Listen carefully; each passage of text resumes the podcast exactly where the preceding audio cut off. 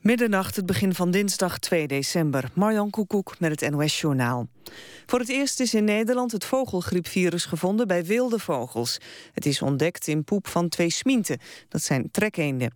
Het gaat om de voor pluimvee zeer gevaarlijke H5N8-variant. De eendenpoep met het virus is gevonden in de buurt van Woerden... en in de omgeving van de drie getroffen boerderijen... in Hekendorp, Ter Aar en Zoeterwoude. Al langer wordt vermoed dat trekvogels de bron zijn... van de uitbraken van vogelgriep. Acteur Bill Cosby verbreekt de banden met de universiteit waar hij is afgestudeerd. Hij trekt zich terug als lid van de Raad van Toezicht van de Temple Universiteit in Philadelphia vanwege het seksschandaal waarin hij verwikkeld is. Zo'n twintig vrouwen hebben Cosby de afgelopen tijd beschuldigd van aanranding of verkrachting. Hij zou een aantal van hen hebben gedrogeerd voordat hij zich aan hen vergreep. Voor andere instellingen waar Cosby contacten mee had... was dat al reden om de samenwerking te verbreken. Cosby verbreekt nu zelf de samenwerking met Temple... omdat dat volgens hem in het belang is van de universiteit. De Britse oud-premier Gordon Brown stopt volgend jaar als parlementariër. Hij houdt ermee op na de verkiezingen in mei. Brown was van 1997 tot 2007 minister van Financiën. Daarna volgde hij Tony Blair op als premier, maar in 2010 verloor hij de verkiezingen. Mede door de pleidooien van Brown kozen de Schotten er dit jaar voor om binnen de Unie met Groot-Brittannië te blijven. Lionel Messi, Cristiano Ronaldo en Manuel Neuer maken kans op de titel Wereldvoetballer van het jaar. En dat betekent dat Arjen Robben is afgevallen. Robben was een van de 23 spelers die door de FIFA voor de Gouden Bal was genomineerd. Robin van Persie maakt kans op de prijs voor de mooiste goal. Zijn kopbal in de WK-wedstrijd tegen Spanje is genomineerd voor de Puskas Award. Dan nog het weer. Het is overwegend bewolkt en droog. Vannacht liggen de minima rond het vriespunt. Morgen overdag wordt het 1 tot 4 graden. Vaak is het bewolkt en mogelijk valt er soms wat lichte neerslag. Dit was het NOS Journaal. NPO Radio 1. VPRO. Nooit meer slapen.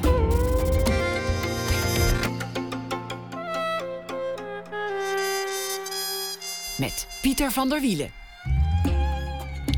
Goedenacht en welkom bij Nooit meer slapen. Over hoe je als schrijver de media moet bespelen. En als je dat van iemand zou kunnen leren, dan was dat wel Gerard van het Reven. Over de mediafratsen van Reven is een eh, boek verschenen van Edwin Praat. U hoort hem straks. En dan ook Anton Doutsenberg, die ook een uh, kunstenaar is waar het gaat om het bespelen van de media. Naast dat hij alle dampende podia en bezweten zalen van het land heeft gezien als lid van popgroep De Dijk, is Pim Kops ook fotograaf. De Amsterdamse binnenstad is zijn werkterrein en favoriete onderwerp. Een gesprek met hem na ene en dan krijgt u ook een verhaal van schrijver Jamal Uriachi, die deze week elke dag iets schrijft voor ons. Maar we beginnen met Maarten van Rossum. Europa volgens Maarten heet het uh, essay dat van hem is verschenen in boekvorm, waarin uh, Slans bekendste historicus enige relativerende kanttekeningen plaatst bij het Europa-debat en een korte geschiedenis schetst van wat Europa heeft betekend voor Nederland en andersom.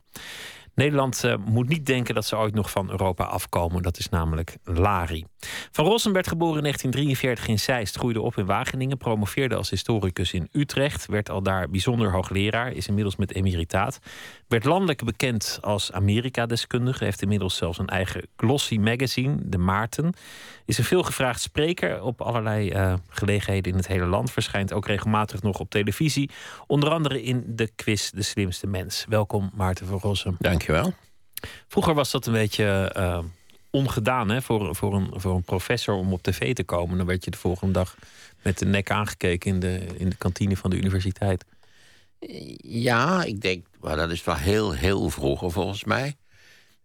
Mijn indruk was altijd dat, uh, dat die reacties heel gemengd waren. Er waren lui die dat heel leuk vonden en die het ook wel verdienstelijk vonden dat je dan in de media voor een wat groter publiek iets verstandigs over geschiedenis zei. En er waren ook mensen die zeiden, ja, moet je niet doen. En dat is allemaal oppervlakkig flauwekul. En je hebt er niks aan. En heb jij dat nog meegemaakt, die, die reactie?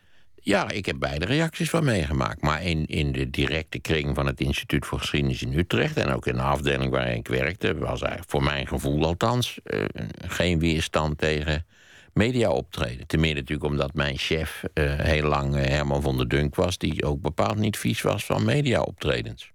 Is het inmiddels doorgeschoten met, met uh, nou ja, hoogleraren waarvan wordt gezegd dat ze, dat ze aangezet waren tot fraude, mede omdat ze te graag op tv wilden komen. De Diederik ik weet niet of Stapel. ja, ik, ik weet niet of Stapel op eh, fraude gepleegd heeft om op de tv te komen. Dat was niet mijn indruk eigenlijk. Dat was meer de algehele competitiesfeer en, en prestatiedruk die eh, aan universiteiten is gaan heersen.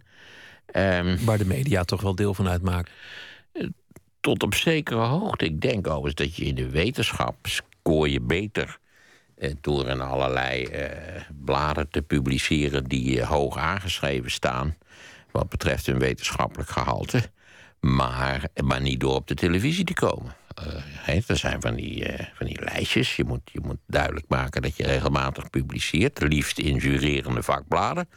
En daar, als je, daar kun je wel opzetten. Nou, ik heb ontzettend leuk verhaal gehouden bij de VPRO. Maar dat interesseert niemand ene hout, volgens mij, in die wereld, in de wetenschappelijke wereld. Zou je dan zeggen dat jouw eigen carrière in de academische wereld in die zin minder succesvol is geweest? Nou, ik denk wel dat je dat tot op zekere hoogte zou kunnen zeggen, ja. Omdat ik eh, eigenlijk vrij kort na mijn dissertatie heb ik een boek over Amerika geschreven. Een zeg maar een vrij populair boek over Amerika. Amerika in de 20e eeuw. En ik voelde me eigenlijk nogal gefetteerd door de reacties daarop. En ik dacht, god, dat is hartstikke, hartstikke leuk eigenlijk. En ik, ik word in de krant besproken. En terwijl mijn dissertatie is pas na jaren besproken in, in het, in het uh, tijdschrift voor geschiedenis of in de bijdrage.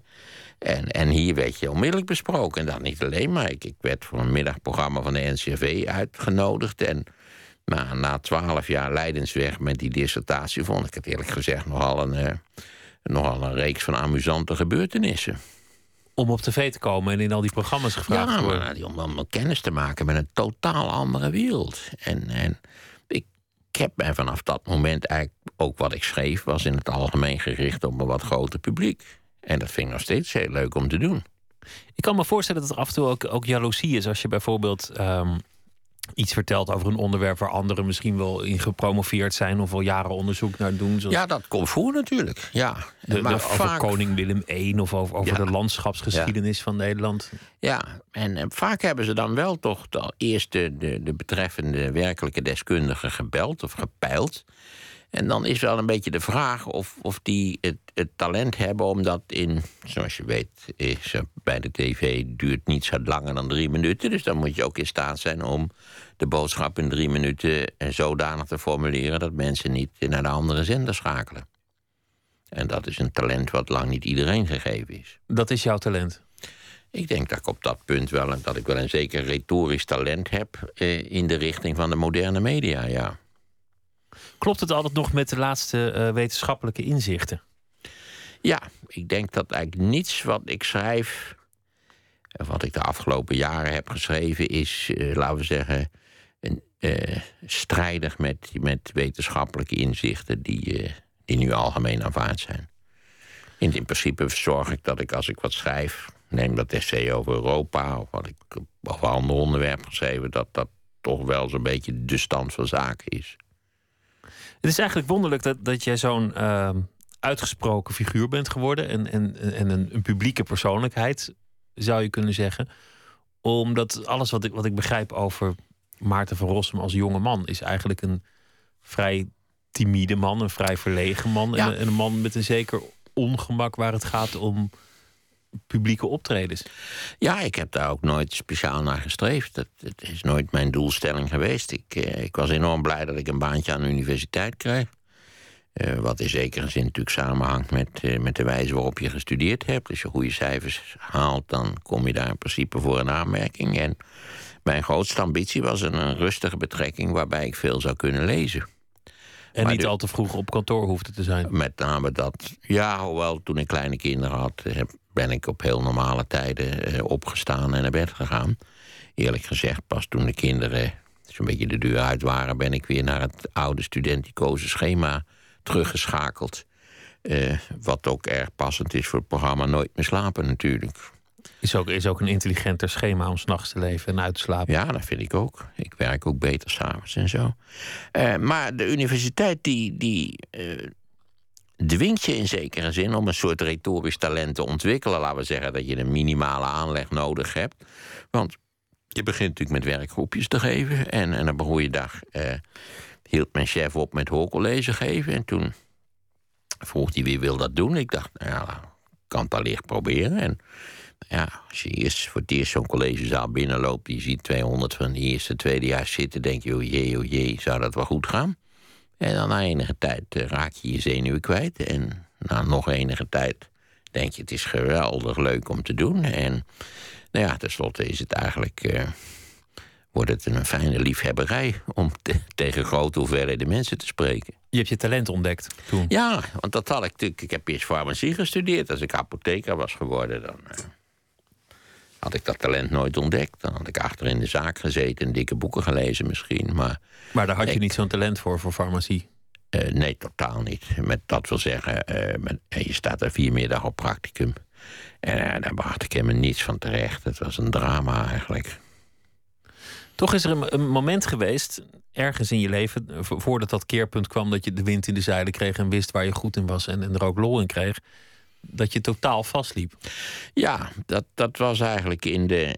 Dat, dat had voor een belangrijk gedeelte van doen met mijn dissertatie. Dat schoot echt geen meter op. Uh, uh, ik was toch wel vrij perfectionistisch. Ik vond dat het het meeste werk moest worden. Je denkt altijd, ik moet er nog wat bij. Nou ja, kortom. Het was ook een klote onderwerp, toch? Nee, het was een, het was, ik heb eerst een hele reeks van klote onderwerpen afgewerkt. En daar ben ik dan enige tijd mee gestopt. Maar het onderwerp waarop ik tenslotte gepromoveerd was, heeft me altijd veel genoegen gegeven. Dat was een intellectueel tijdschrift, vooral bemand door jonge Joodse intellectuelen. Dat startte in de jaren dertig onder de vleugels van de communistische partij in Amerika. En nou, daarvan heb ik eigenlijk de eerste twintig jaar bestudeerd. En dat gaf een heel breed overzicht van literatuur, kunst, politiek. in, in dat tijdsgevricht, jaren 30, 40, begin jaren 50. Uh, eh, maar dat was een moment waarop ik dacht: van nou, dit wordt nooit wat. Dit, dit schiet ook niet op. Ik kan veel beter ermee stoppen. Want. Uh, ja, dan blijf je zo hangen als een universiteit. Je promoveert niet. Dat, dat, leek me geen toekomst te hebben. Ik dacht, ga wat anders doen. En toen zei ik tegen mijn chef van, zeg, ik ga wat anders doen. Want dit wordt niks. En toen zei hij, nou, uh, heb je wel gerealiseerd dat jij niks kunt? Ja, behalve dan een beetje praten en lezen. Ja, ik heb eigenlijk niet zo gerealiseerd dat ik niks kon. Uh, als je nou eerst die dissertatie toch eens afmaakte... en dan zien we verder. Nou, die heb ik toen tenslotte toch afgemaakt. Merkwaardig genoeg in een vrij vlot tempo toen ik eenmaal aan de slag was gegaan. Je, aan iedereen die met zo'n manuscript zit, geef ik bij deze het advies: begin met schrijven. Ik kan niet verdommen of u alles gelezen heeft. Ga schrijven. Maar daar zat, ook de, daar zat ook een soort twijfel in of je het wel kon, lijkt het. Ja, ja, ik denk dat ik dat wel had. Kan ik wel een goed boek schrijven? Kan ik wel een boek schrijven wat, wat de moeite waard is? Zit iemand wel op mij te wachten eigenlijk? Ja, dan, moet je eigenlijk sowieso in je leven niet te veel afvragen. Want eigenlijk zit er helemaal niemand op je te wachten. Daar komt het op neer. Ik had herinneren dat ik plotseling zo ziek werd dat ik geen college kon geven. En ik was eigenlijk binnen 24 uur was ik volledig en perfect vervangen. Waardoor je ook denkt, nou ja. Hè. Doe ik het daar wel voor, ja. ja. Waar is het eigenlijk goed voor? Wat, wat heeft je daar toen uiteindelijk... Ik bedoel, je noemt je chef. Die, die zei van, nou ja, realiseer je dat je niks kan. Hè? Uh, stop vooral met deze baan en, en zie waar je terecht komt. Ja, ja Wat heeft je nog meer daaruit gesleurd toen? Het, schrijven van het boek natuurlijk. Want dat ging uiteindelijk, toen ik eenmaal begonnen was, ging dat eigenlijk vrij vlot. En ik heb ook wel gezegd toen het klaar was. Ehm, als het slecht besproken wordt, schrijf ik nooit meer een letter in mijn leven. Dan eh, geloof ik het verder wel, ga ik echt iets anders doen. Maar het werd heel gunstig besproken, dus ik was al gefeteerd. Bart Tromp heeft een prachtige recensie in Vrij Nederland geschreven. En toen dacht ik, nou, hè, dat werkt wel. En toen werd ik opgebeld door een uh, Utrechtse uitgever, Bas Hesselink. En die zei, ja, eh, wat ik helemaal niet wist trouwens... Eh, de Verenigde Staten is eindexamenonderwerp voor de middelbare school. En ik zoek eigenlijk iemand die een, een, een compact boekje kan schrijven... over de Verenigde Staten in de 20e eeuw. Dat was het eindexamenonderwerp. Wil je dat doen? En toen heb ik dacht eigenlijk onmiddellijk... ja, want dan kan ik een soort revanche nemen. Nou, ik moet nu in, nou wat was het, negen of tien maanden moet ik dat boek schrijven. En dat heb ik ook daadwerkelijk gedaan. Dus ik geloof de deadline 1 augustus was. Ik had het 15 augustus klaar. Het was 350 pagina's, even dik als mijn dissertatie. En die dissertatie had ik 12 jaar over gedaan. En dit boek heb ik in 10 maanden geschreven. En toen werd je uh, op een zeker ogenblik nou ja, bekend ook op tv en, en bijzonder Ja, maar dat, dat ging heel langzaam. Dat was echt een, stap-voor-stap proces. En, en het is vooral Saddam Hussein die mij te paard geholpen heeft. De Golfoorlog, Ja. kortom. Ja, de Eerste Golfoorlog. Inmiddels geef je heel veel spreekbeurten eh, door het land. Dat doe, je al een flinke tijd. Eh, Ja. ehm, best wel een grappig circuit. Want de ene keer doe je het voor een fles wijn voor een paar studenten. En de andere keer ook wel goed betaalde klussen voor, voor Ja, bankiers. het wisselt enorm sterk. Ik, ik heb eigenlijk een hele complexe tariefstructuur. Dus als je voor een bank gaat spreken, of een verzekeringsmaatschappij, of nou ja, dat soort van opdrachtgevers, dan reken ik een fors bedrag. Eh, voor de boekhandel, culturele verenigingen, nou ja, dat type van dingen, eh, reken ik aanzienlijk minder. En ja, studenten hebben niks te makken, dus daar ga je dan voor niks spreken. Of voor een flesje wijn. Of een, ik kreeg nog eens een, een, meter hoge kamerplant cadeau in Rotterdam. Dat is dan ook, wat, wat, wat moet jij, ik was met de jij- trein. wat moet je met veel geld eigenlijk?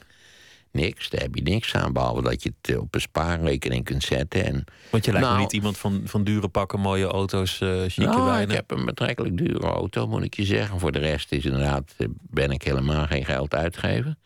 Ehm, nou, ik, ik, ik ben blij met mijn spaargelden. Eigenlijk vooral omdat ik hoop dat ik in mijn eigen huis kan blijven wonen als ik ga aftakelen. En dan heb ik ruim voldoende spaargeld, denk ik, om betaalde hulp eh, in dienst te nemen om mijn laatste jaren daar draaglijk te maken. Want je wordt. eh, eh, je moet in Nederland vooral zorgen dat je niet in een verpleegtehuis terechtkomt. dat zijn Dat zorgen die je bezighouden. dat Je, ja, bent dat houdt mij wel bezig, ja. 71. ja. Nou ja, dan, dan is dat nog tien jaar weg. Ach, in een gunstig geval, ja, maar ik kan morgen heup breken en dan that's all the way down dan daarna. Eh, Dus eh, je moet daar rekening mee houden. En daarom ben ik blij met mijn spaarcentjes. Hoe zie je jouw rol in het eh, eh, debat? Want we gaan het straks hebben over, eh, over het boek over Europa. Je schrijft met enige regelmaat essays over actuele onderwerpen Ja. die je vanuit, vanuit de geschiedenis belicht. Wa- Wat, wat is jouw taak daarin? Nou, kijk eens, je moet dat natuurlijk heel bescheiden zien. Het, het publieke debat in Nederland is een immens complexe machine. Waarin alle mogelijke figuren op alle mogelijke niveaus in alle mogelijke media eh, eh, participeren. Daarvan ben ik er één. Eh, gesteld, die, die, die boekjes die ik schrijf voor Nieuw Amsterdam, die worden in het algemeen heel behoorlijk verkocht. Maar laten we nou eens 10.000 van verkopen van een boekje over Europa. Laat dat door 8000 van de kopers ook daadwerkelijk gelezen worden. Daar moet je ook realistisch in zijn. Dan is natuurlijk je uiteindelijke bijdrage is minimaal. Je kunt veel beter één keer ergens op de televisie met een miljoen kijkers iets zeggen. dan, eh, dan zo'n boekje schrijven. Het is nou dat ik het leuk vind om zo'n boekje te schrijven, omdat het je dwingt om er zelf over na te denken. En te zorgen dat je goed op de hoogte bent, namelijk zodanig dat je een boekje kunt schrijven. En dan nog heb ik niet de geringste illusie dat ik in Nederland de hysterisch rechtse brigade ga overtuigen van mijn ongelooflijk verstandige en gematigde sociaal-democratische standpunten. Nee, die illusie heb ik niet. Kortom, je beziet je eigen rol ook met eh, enige relativering. Ja, ja, ik heb daar geen grote illusies over. We gaan luisteren naar ehm, Hey Joe, een nummer dat heel bekend werd eh, door Jimi Hendrix. Maar het was ooit gewoon een, een eh, traditional, een folksong. En hoe het bij Jimi Hendrix terecht is gekomen, dat is een interessant verhaal. Want het was een andere zanger, Tim Rose, die het ooit hoorde en vertolkte. En die versie kwam Jimi Hendrix ter oren voordat hij zijn versie maakte. Wij gaan die versie luisteren waar Jimi Hendrix naar luisterde van Tim Rose. Hier is Hey Joe.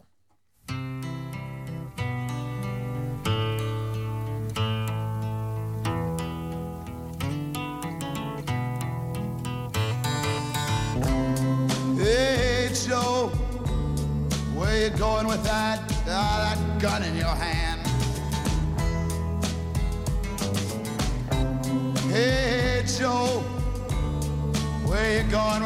Gun in your hand? I'm gonna shoot my woman. I caught her with another man. You know I'm gonna shoot my woman Cause I caught her, I caught her with another man Hey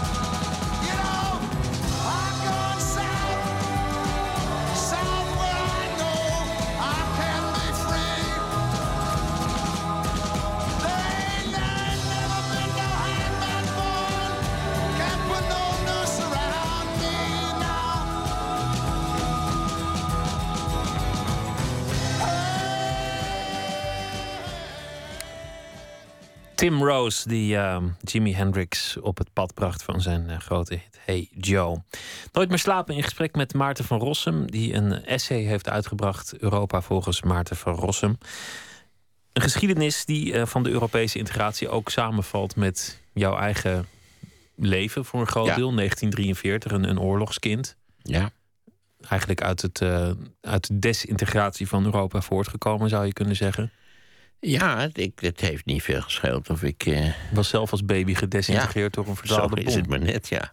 Dat komt omdat wij in Wageningen woonden en dat, dat lag op de uiterste westgrens van Market Garden. En maar die luchtlandingsoperatie. En uh, de Engelsen hebben daar een helemaal verkeerd bombardement uitgevoerd. En nou ja, ik heb het levend ervan afgebracht. Maar ik ben ook nog bijna aan de bloembollenconsumptie dood gegaan. En kortom, uh, maar op zichzelf heel interessant. Alleen de eerste anderhalf jaar van mijn leven waren extreem risicovol. Dat gold natuurlijk voor een groot deel van de Nederlandse bevolking en van de hele Europese bevolking.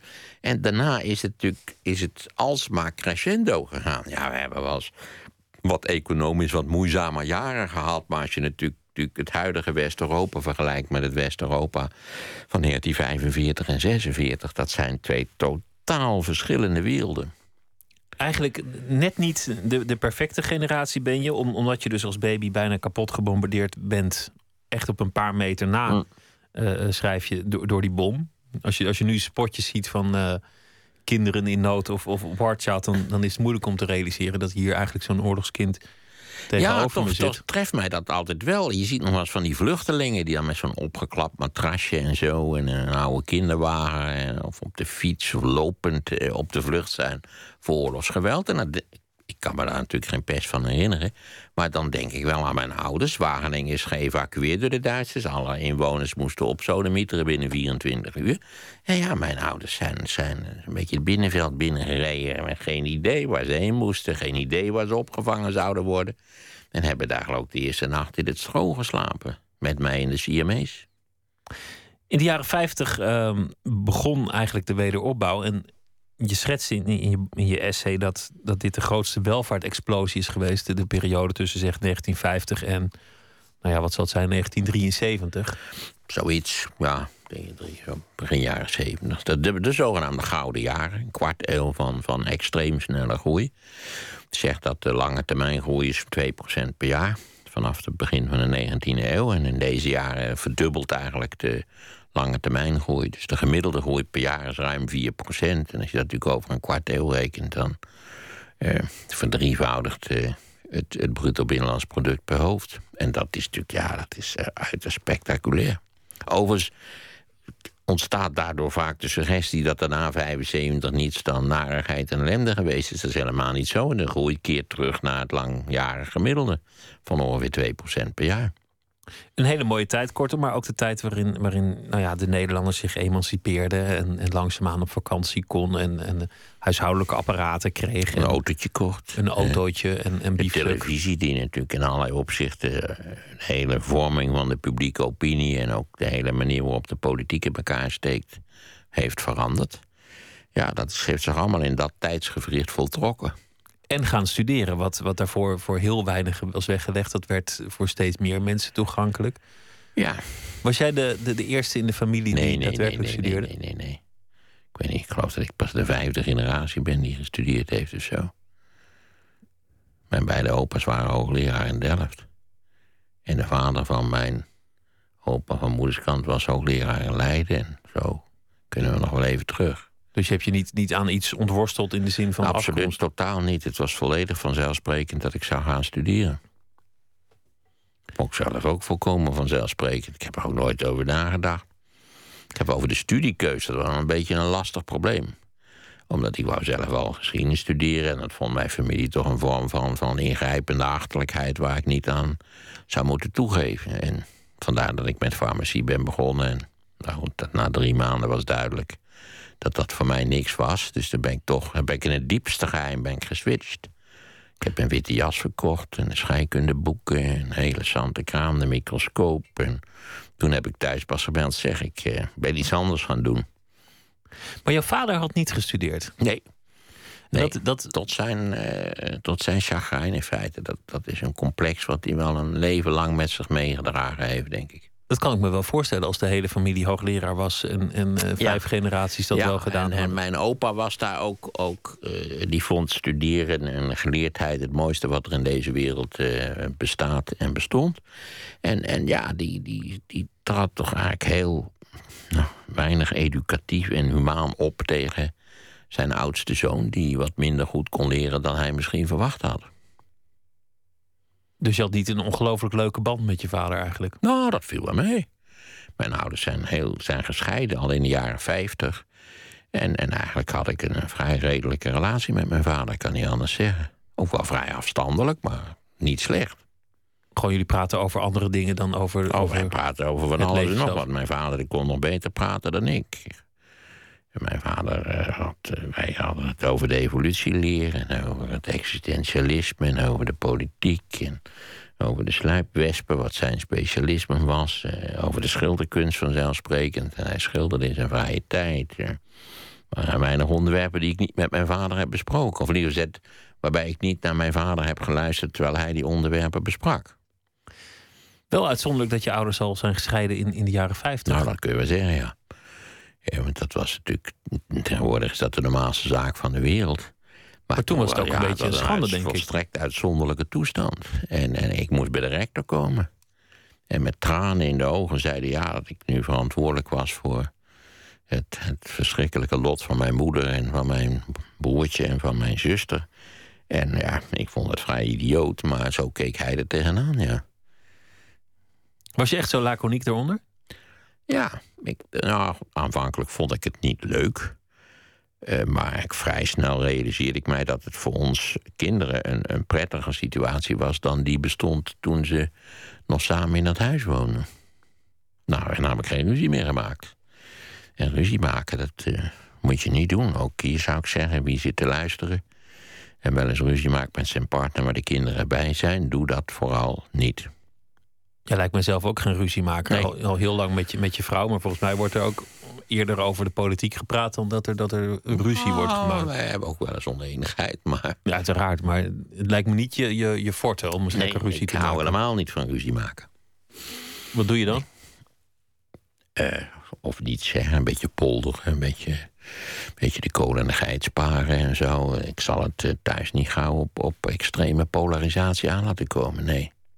Terwijl ik wel leuk vind om te debatteren. Dat, is maar een heel ander, een heel totaal ander genre van, van retoriek dan, dan, dan, laten we zeggen, het dagelijks verkeer in een familie. Ook geen ongevoelige man, volgens mij, ben je. Ik kan, eh, eerlijk gezegd, ben, er zijn er allerlei dingen waar ik vrij overgevoelig voor ben. Maar dat hou ik wel een beetje op afstand. Niet iemand die er graag over praat. Dus als, als het, het oreren waar, waar je zo goed in bent... dat doe je dan toch liever over de politiek en de wereld. Ja, dat al, al. Nou, ik heb ook wel eens over het, tragische einde van mijn moeder gesproken voor de Nederlandse Vereniging voor Vrijwillige Euthanasie. Dat, dat heb ik wel gedaan. Eh, en eh, kijk, als je erover spreekt, dan, dan eh, creëert dat vanzelf een soort afstand. Dat, is, dat, is, dat maakt het al anders dan wanneer het je onmiddellijk en direct aangaat en, je moeder daar eh, volkomen dement in die rolstoel zit. Dat, daar zie ik wel weer een verschil tussen die twee dingen. Maar ik- er, zijn, er allerlei muziek waarvan ik bepaald hoop dat je het niet gaat draaien dadelijk. Want dan eh, eh, kan het met mij slecht aflopen. Op het punt van de emoties. Dan schiet je toch helemaal vol. Ja, zeker. Ja, ik ben er enorm gevoelig voor. Laten we het toch nog even hebben Dus over... zolang je nou maar popmuziek draait, kan niet Dat- zoveel kwaad. Ja, dat, dat, eh, dat zullen we doen. Hoewel wel er straks ook nog, eh, in, in- als er iemand in België luistert, zal er zeker eh, ge- gehuild worden om de volgende plaat. Maar dat is, een- dat is een ander verhaal. Ik had het over die, die periode, want, want dat was eigenlijk de aanleiding voor, die, die- voor dit, eh, dit gesprek, over Europa. Jij Ja. beschrijft eigenlijk de geschiedenis van Nederland. Ja, het is eigenlijk een geschiedenis, een, een gecombineerde geschiedenis van eh, de, de economische ontwikkeling van West-Europa, vooral West-Europa toch, na de Tweede Wereldoorlog. Eh, het verhaal natuurlijk van de reïntegratie van Duitsland in dat Europese economische systeem. Het verhaal over natuurlijk de, de Nederlandse economische ontwikkeling, die, die op zichzelf precies past in, in een grotere Europese ontwikkeling, maar we hebben het bepaald niet slecht gedaan.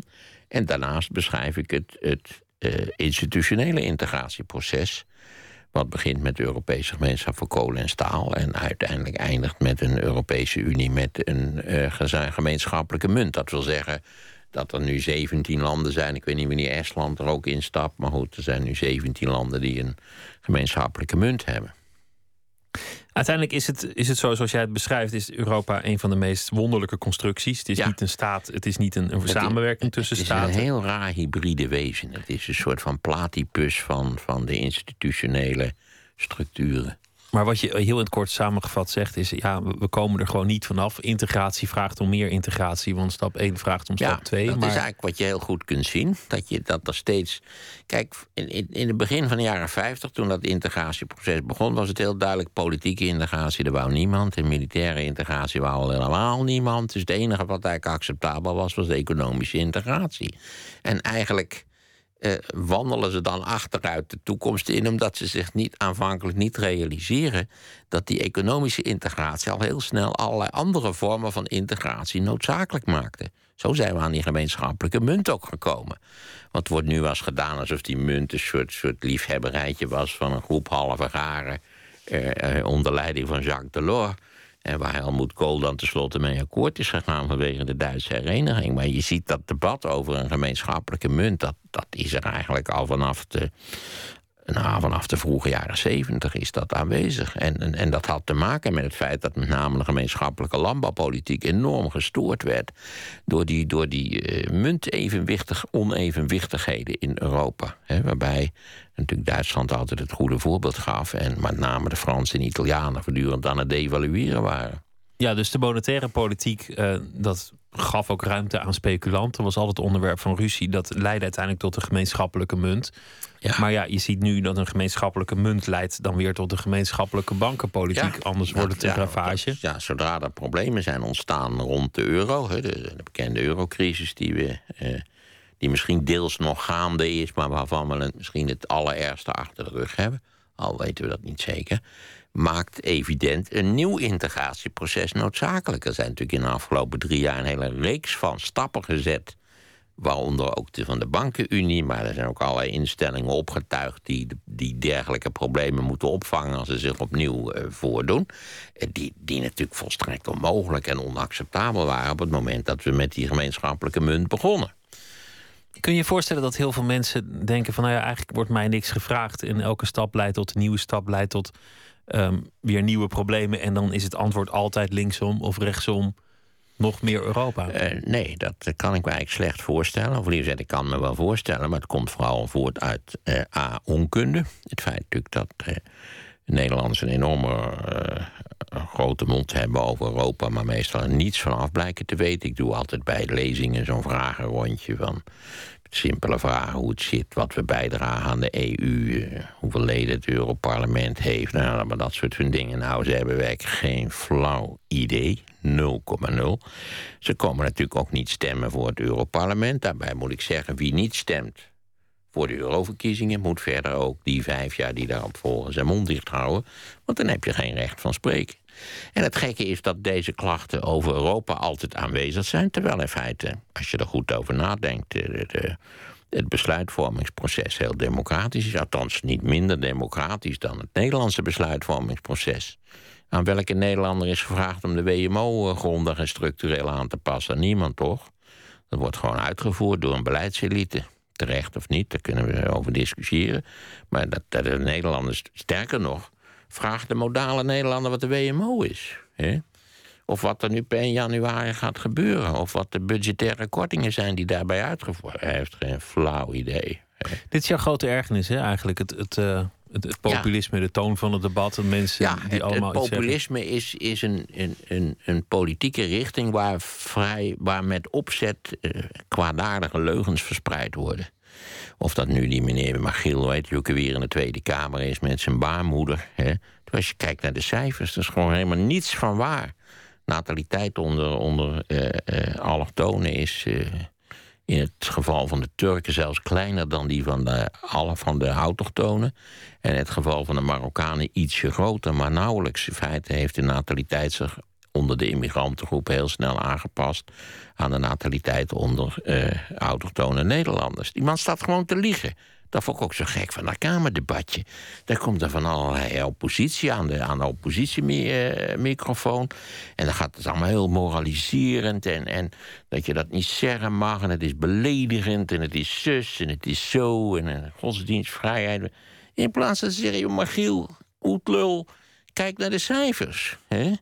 Waar, je hebt je huiswerk niet gemaakt, luiwammers, kletsmajor. Hè? En zo is het voortdurend geweest met die populisten. Ze liegen dat het gedrukt staat. Superstaat in Brussel. Er is helemaal niet eens een staat. Laat staan dat er een superstaat zou zijn. wat is de bijdrage van Nederland aan de EU? Die is iets meer dan 1% van bruto binnenlands product per jaar. Maar het lijkt mij wel frustrerend voor iemand die uh, de nuance aan het debat wil toevoegen. en die, die denkt van nou, ik moet mijn historische kennis elke keer opnieuw komen etaleren. als, als je daar als een roepende in de woestijn eigenlijk ja, zit. een beetje, als je de feiten kent, ben je in Nederland toch wel een beetje een roepende in de woestijn. Ja. Want het debat, dat heeft, eigenlijk heeft het politieke debat heeft niets te maken met de werkelijkheid. De economische, de sociale of de financiële werkelijkheid. Het, is, het zijn vage emoties die over de rand van een nationale pan klotsen. Het gaat over de zwarte pieten en allerlei andere totaal irrelevante kletskoek. Eh, en niet over waar het over zou moeten gaan. Maar ik beleef. Dit is natuurlijk sowieso al ook een programma, zeker nu ik er zit, waar de PVV-luisteraars op de vingers van één hand geteld kunnen worden. Maar ik zou zeggen, als u er toch zit, kijk even op de website van het CBS. He, daar betaalt iedereen in Nederland aan mee, het Centraal Bureau voor de Statistiek. Het is een prachtige website. U kunt er de meest interessante dingen ontdekken.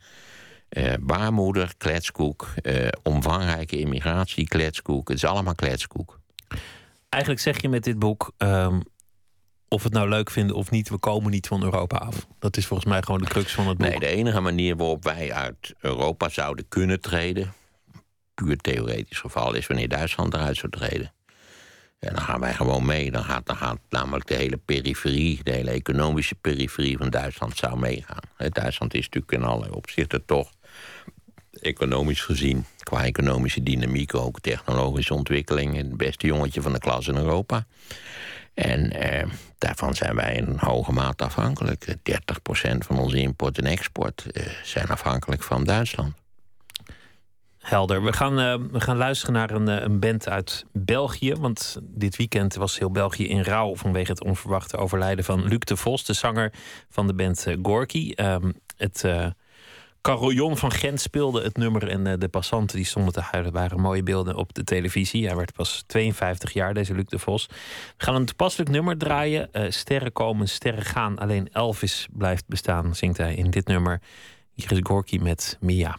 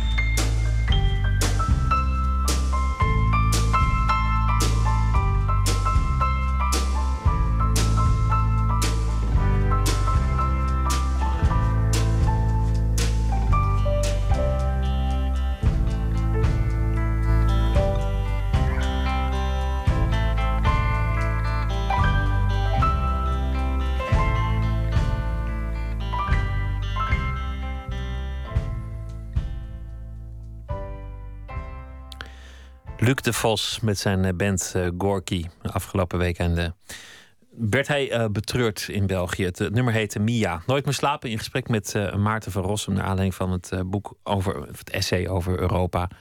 waarin hij vertelt wat de geschiedenis is van Nederland en Europa... en waarom we niet van Europa af zullen komen. Je zei net, ja, ik ben wel wat vaker bezig met met mijn voorland als, als inmiddels 71-jarige. Ja, daar moet je rekening mee houden. Dat je natuurlijk fysiek eh, aftakelt op een goed moment. En, en dan, moet je je afvragen wat zijn de voorzieningen die er zijn. En dan, dan is mijn, mijn ervaringen zij zodanig, vooral natuurlijk met mijn demente moeder... dat ik voor geen goud in Nederland naar een verpleeghuis wil. Want je hebt je moeder echt zien aftakelen en, en dat tot het bittere einde moeten ja, uitzitten. Ja, en die zat in zo'n verpleeghuis. En ik ben ervan overtuigd dat de, de, de, de, voor haar zorgenden dat allemaal met de beste bedoelingen deden. Maar als je door die klapdeuren kwam, zondag, ging meestal zondag, naar mijn moeder, dan stonk het daar naar pis, ja. Dus ik was niet uh, verrast door het nieuws uh, wat ons daaromtrent heeft bereikt de afgelopen weken. Vaak was er elke zondag een totaal nieuwe brigade van dames om, om voor, voor al die. Uh, totaal zaten er in twee leefgroepen, geloof 42 totaal demente vrouwen. één totaal demente man. Dat is toch wel een voordeel dan van het feit dat mannen minder oud worden dan vrouwen. Dat, dat wij grotendeels dood zijn voordat we dement kunnen worden. Niet allemaal, maar velen wel. Uh, ja, dat is niet lollig om aan te zien. En dan denk je natuurlijk wel, ja, zouden we niet zelf voor, voor mijn moeder moeten gaan zorgen? Mijn moeder moest met een hijskraan uit haar bed getild worden en in die, in die rolstoel worden gezet. Mijn moeder moest gevoed worden, gewassen. Allemaal dingen die je, die je zelf niet kunt doen in feite. Dus je hoopt eigenlijk maar dat je gewoon in, in een soort vrij plotse situatie op een zeker ogenblik uh, dat eruit hoop, piept. Dat hoop ik bovenal natuurlijk, dat ik ineens doodval. Ik hoop, stel voor dat ik hier na halverwege dit programma doodval. Dat is voor jou vrij vervelend en een beetje toestanden en zo. Maar dat zou een prachtige dood zijn. Het is een keer bijna gebeurd, hè? Althans, ik nou, overdrijf het enigszins. Als ik maar... niet geopereerd was, was ik op vrij korte termijn dood gegaan. Dat wil zeggen, mijn mitraalklep, dat is de hartklep die eh, zuurstofrijk bloed van het hart naar de longen brengt, die was afgescheurd. En dat leidt eigenlijk op hele korte termijn tot, uh, uh, tot zuurstofgebrek, hè, waardoor je je heel ongelukkig voelt. En dat, dat moet gerepareerd worden, want uh, gebeurt dat niet, dan ben je binnen anderhalf jaar bij dood. En dus ik ben er geopereerd. Dat is overigens, je hoort veel klachten over de Nederlandse gezondheidszorg. Maar dat afgezien van het administratieve deel, wat een zootje is, was op zichzelf het stellen van de diagnose en de operatie allemaal tip-top in orde. En je vrouw, hoe zit het daarmee eigenlijk? Want ik meen me te herinneren dat hij ook wel eens uh, een akkefietje heeft gehad. Ja, die had al eerder, twee jaar eerder, had mijn vrouw een, een, een hartinfarct gehad. Terwijl we op Texel waren. Dat een spannende. Gek genoeg, ja, het klinkt idioot, maar het is, het is bijna erger dat, dat, dat iemand in je naaste omgeving zoiets krijgt dan dat je het zelf krijgt. Omdat je, omdat je zo totaal hulpeloos bent als iemand met zoiets te maken heeft. Daar zit eigenlijk iets, iets heel egocentrisch achter. Hè? Dat je altijd maar hoopt dat jij als eerste gaat ja, en dat die, ja. dat die ander Geef achterblijft. het grif toe. Geef het grif toe, ja. Wat was eigenlijk het moment dat, dat je ineens jezelf een oude man ging voelen? Uh, ja, dat is toch iets wat, wat stap voor stap gaat. Er zijn trouwens tal van terreinen waar ik dat eigenlijk niet zo voel. Maar, maar zeker in fysieke zin heb je dat wel. En dat is gewoon omdat je trappen wat moeilijker opkomt. Uh, ik zou natuurlijk ook best 15 kilo kwijt kunnen raken. Zou het misschien wel iets makkelijker gaan. Um, dat soort zaken. Het opstaan van de bank. Dat, dat is een van de allereerste dingen die mij trof. Je zit op zo'n bank, hè, zo onderuit, uh, zie je de kranten lezen en dan gaat de telefoon. En ja, als je 40 bent, dan stap je dynamisch overeind en neemt de telefoon aan. En dan ineens realiseer je, ik, ik kom moeizaam overeind uit die bank. Ik moet mij een beetje afzetten van de leuning. Dat is een, dat, dat is een van de allereerste momenten waarop ik dacht: hallo, hè, ik begin af te takelen. Ik geloof ook, er zijn allerlei onderzoekingen dat je dat je die atrofie van die spieren, dat gaat eigenlijk vrij snel, geloof ik, na je zestigste. De levensstijl, het, het, lang was jij een van de, de bekendste rokers van het land. Dat heb je en al, drinkers. En drinkers, dat Ja. heb je allemaal aan, eraan gegeven. Het, het, drinken ook een beetje geholpen door het tragische feit dat, dat Theo van Gogh er niet meer was. Want dat, dat waren de bonste avonden. Nou, dat, dat, dat ging er inderdaad vrij stevig aan toe op het punt van drank. Maar ik kon er ook zonder Theo kon ik er wel wat van. En, en ik, daar ben ik helemaal mee gestopt. Dus na die hartoperatie. Met stroken was ik al gestopt. Hoe zit het met het, het ouder worden in de andere zin? Want je bent nog hartstikke actief. Je, je, je vangt het ene project na het andere aan. Je, het moment dat je de universiteit achter je liet, gaf je eerder een impuls dan, dan, Ja, dan ik dat er heb een tijd was. ook wel eens gedacht... God, ik had tien jaar eerder bij de universiteit moeten stoppen... want dan had ik al die dingen iets eerder kunnen aanpakken... en nog iets meer vorm kunnen geven, nog iets groter enzovoort enzovoort. Maar zo is het niet gelopen. Maar in die zin lijkt je juist de, de wind wat meer in je rug te hebben Ja. dan, dan ooit. Ja, ik heb ontzettend veel te doen. Ik werk harder dan toen ik 32 was. Dat deed ik eigenlijk helemaal geen zak. Maar goed, eh, ik heb ook wel eens gezegd... ik heb eigenlijk de eerste 40 jaar van mijn leven... verrassend weinig uitgespookt. En nu haal ik de schade in. Ja, kennelijk had je die periode ook nodig, want het was wel een periode waarin je heel veel boeken las. Ja, ik heb ontzettend veel gelezen. Ik, nou ja, vanaf het moment dat ik het kon. Te beginnen met Bolke de Beer en eh, Niels Holgersson... eh, tot, tot en met eh, al die dingen die ik voor mijn dissertatie heb gelezen... die enorm educatief waren. Waar ik, in die zin heb ik, heb, is die dissertatie, hoe lang die ook geduurd heeft... en hoe beroerd het ook ging... een enorm vormend proces geweest. Toch is die geldingsdrang, nou ja, ik weet niet, het klinkt meteen onaardig als je het zo noemt, maar nou ja, laat, laat het wel gewoon zo noemen. Je, maar je geldingsdrang is alleen maar toegenomen. Ja, misschien wel. Maar die had ik altijd wel enigszins, hoor. Ik weet wel dat ik op werkcollege... dat ik altijd dacht dat ik er nou toch zit. Hè.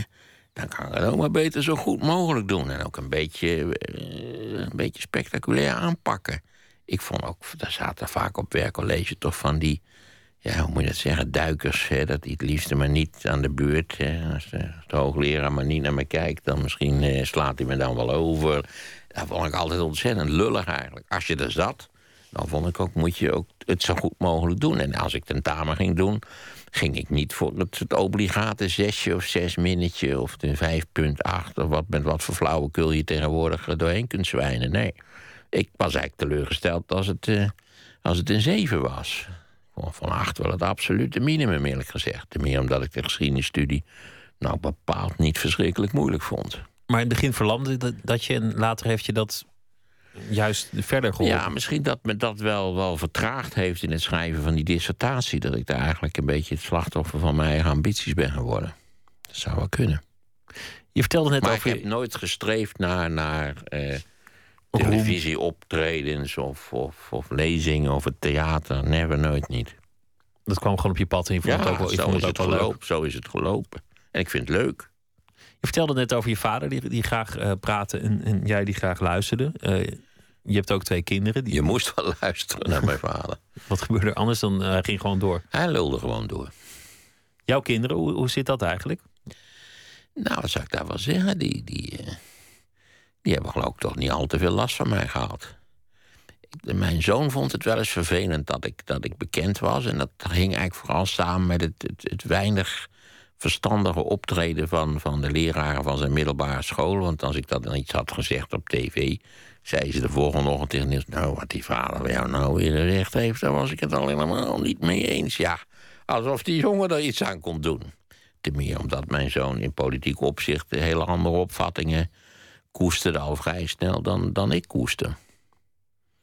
Dus ja, hij, hij Maar hoe is de verhouding? Is het als ze bij jou langskomen, eh heel gezellig. Pa, zijn, eh, vertelt en, en zoon luistert? Nee, ik denk, denk dat wij konden ook wel gezellig discussiëren, ja. En ik kon met mijn dochter ook prima over politiek praten. Maar over politiek, niet over, over eh, nou ja, andere dingen, vriendjes, huwelijken. eh. Nee, nee Dat is mijn... eh, daar ben ik niet goed in. Als ze het me vertellen willen, van harte welkom. Maar ik, nee, is mijn vrouw beter in. Dus waarom zou ik het dan doen? Is er eigenlijk een manier om goed oud te worden? Hard werken, dat is, daar ben ik heilig van overtuigd. dat is de beste manier om, om het maar voor te zijn. Dat vervroegd met pensioen gaan, dat is allemaal niks gedaan. Je moet eigenlijk eh, gewoon door blijven werken. Het heeft mij jaren gekost om aan werken te wennen, maar ben je er eenmaal aan gewend, dan is het enorm verslavend.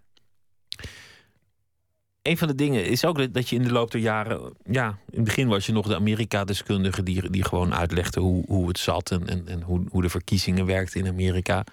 Langzaamaan kwam je in een, in een bad steeds meer in, in botsing met die tijdgeest waar we het net Ja. ook over hadden. Ja, ik ben door de opkomst van het populisme wel, wel geëngageerder en eh, geraakt. En, en eh, heb ook wel steeds het gevoel gehad dat voor zover mogelijk ik daar iets over zou moeten zeggen. Vooral omdat ik eigenlijk, nou ja, het succes van een volstrekte charlatan als Pim Fortuyn, dat, dat was voor mij vol, volkomen verbijsterend. En toen ben ik gaan lezen wat hij geschreven had. Dat is grotendeels wezenloos gelul. En, en daar, ging, eh, daar gingen de media voor. eh, Oké, tenslotte maar 16% van het electoraat, maar ik was verbijsterd. Ik kan niet anders zeggen, ik was verbijsterd. Maar je, je, je stond een aantal keer lijnrecht tegenover een soort publieke opinie in. Onder andere eh, na de dood van Fortuyn, toen heel veel mensen zeiden van... goh, eigenlijk had die man een punt. En, en eh, nou misschien hadden de media dat ook niet op tijd ingezien. Na 11 september, toen je een relativerende toon Dat aansloeg. was natuurlijk een, een vrij frictievolle periode, ja. Vooral omdat ik eh, door de, door de media en in algemene zin... maar vooral natuurlijk door de, door de NOS, of weet ik hoe die lui toen heette... heet ook elke paar jaar anders... eh, afgeserveerd werd. Ik was niet, En- lang, en je was niet je- langer welkom. Je verloor je column in de Volkskrant. Ja. Officieel om andere redenen, maar de timing viel, viel enigszins samen. ja, hun argumentatie was dat hij zo relativerend was. Terwijl ik zou zeggen, als de Volkskrant nou ergens behoefte aan had in die tijd, dan was het wel aan relativering. Dat die krant echt volledig over de top gereageerd heeft. Ga je makkelijk om met tegenwind en kritiek? Ehm, ik ben een vrij secundair reagerende persoon. Maar in eerste instantie vind ik het dan enorm vervelend, die kritiek. En dan, dan moet ik het een beetje verwerken. En dan denk ik, nou oké, zo, zo zei het. En, en eh, het is voor mij geen enkele reden, aangezien ik er volledig van overtuigd ben dat ik gelijk heb, om, om een andere koers uit te zetten. Dat is En ook ik, echt ik zo. heb Dat, ook bedoel, het, absoluut het gevoel dat ik na 9-11 volledig gelijk gekregen heb. En ik moet zeggen, het programma Nova, het betreurde programma Nova, heeft mij na vijf jaar uitgenodigd, dus in september 2006. Eh, en heeft gevraagd: leg nou nog eens uit waarom je gelijk hebt gehad, vijf jaar later. En dat heb ik gedaan. Maar goed, de, de, de tegenstellingen waren met die Amerikaanse inval in Irak altijd weer precies even groot. Ik bedoel, ik trad regelmatig op in. Ik geloof dat het toen twee vandaag heette. Dat ook weer zoiets wat regelmatig verandert. En nou ja, toen duidelijk werd dat ik er niets in zag... en dat ik het een, een volstrekt geschrifte operatie vond... eh, hield het gewoon op. En kwam er een andere deskundige... die, die, die, de, die de massavernietigingswapens zelf gezien had. Relativeren is, eh, is ook eh, bij Vlagen een groot eh, taboe. Heb ik, heb ik zo de indruk. Als je, als je omkijkt tot nu toe, want, want je gaat natuurlijk nog, nog jaren verder. Maar als je tot nu toe omkijkt op die, die eerste 71 jaar. Een tweede 71 jaar lijkt me veel gevraagd. Maar Dat lijkt me ook wel. was het goed? 142 zou echt een heel, hele speciale gebeurtenis zijn. Ik, eh, ik vond het vooral, eh, de eerste 71 jaar vond ik vooral eh, verrassend. Er zijn allerlei dingen gebeurd die ik in de verste verte niet gewenst had. Waar ik niet speciaal naar gestreefd heb, die gebeurd zijn. En waar ik in het algemeen bepaald niet ontevreden over ben. Ik, vond, ik vind alles eigenlijk wat ik nu doe wel leuk. Wie had nou gedacht dat het, dat een, verlegen en een beetje bang en bleek jongetje... in een iets te lange korte broek... Eh, tenslotte nog eens twee eh, avonden in Carré zou vullen? Niemand, toch? En een eigen glossy. Dat is ook wonderlijk. Ja, ook dat is heel wonderlijk. Of vooral omdat het al heel lang in mijn... Ik had twee ambities. Een, een, een, een licht verlopen boekhandel in een achterafstraat... En, en een eigen tijdschrift. Ik geloof dat ik al in de... Nee, het zal denk ik in de eerste klas van de middelbare school... ben ik al begonnen aan een tijdschrift. Ik weet nog dat ik een artikel over de Romeinen had geschreven... wat we getypten op een oude typemachine van, van mijn eh, vriendje van toen. Ja, dat, dat leek me wel wat een eigen tijd. En ja, dat is gerealiseerd, wonderlijk genoeg. En dat boek over de Romeinen, dat, eh, dat kan ik vast verklappen. Daar, daar ben je ook stiekem aan het werk. Ja, dat, daar wil ik nog wel aan dat probleem, het einde van het Romeinse Rijk... daar wil ik nog wel eens wat aandacht aan besteden, ja. Maarten van Rossum, dank dat je te gast wilde zijn. En eh, veel succes met dat boek over het einde van het Romeinse Rijk. Ik hoop dat het er, dat er snel komt. Dank dat je hier wilde zijn. Zometeen gaat Nooit meer slapen verder met eh, tal van andere onderwerpen. Via Twitter, @vpro_nms of via de mail nooitmeerslapen@vpro.nl. Op Radio 1. Het nieuws van alle kanten.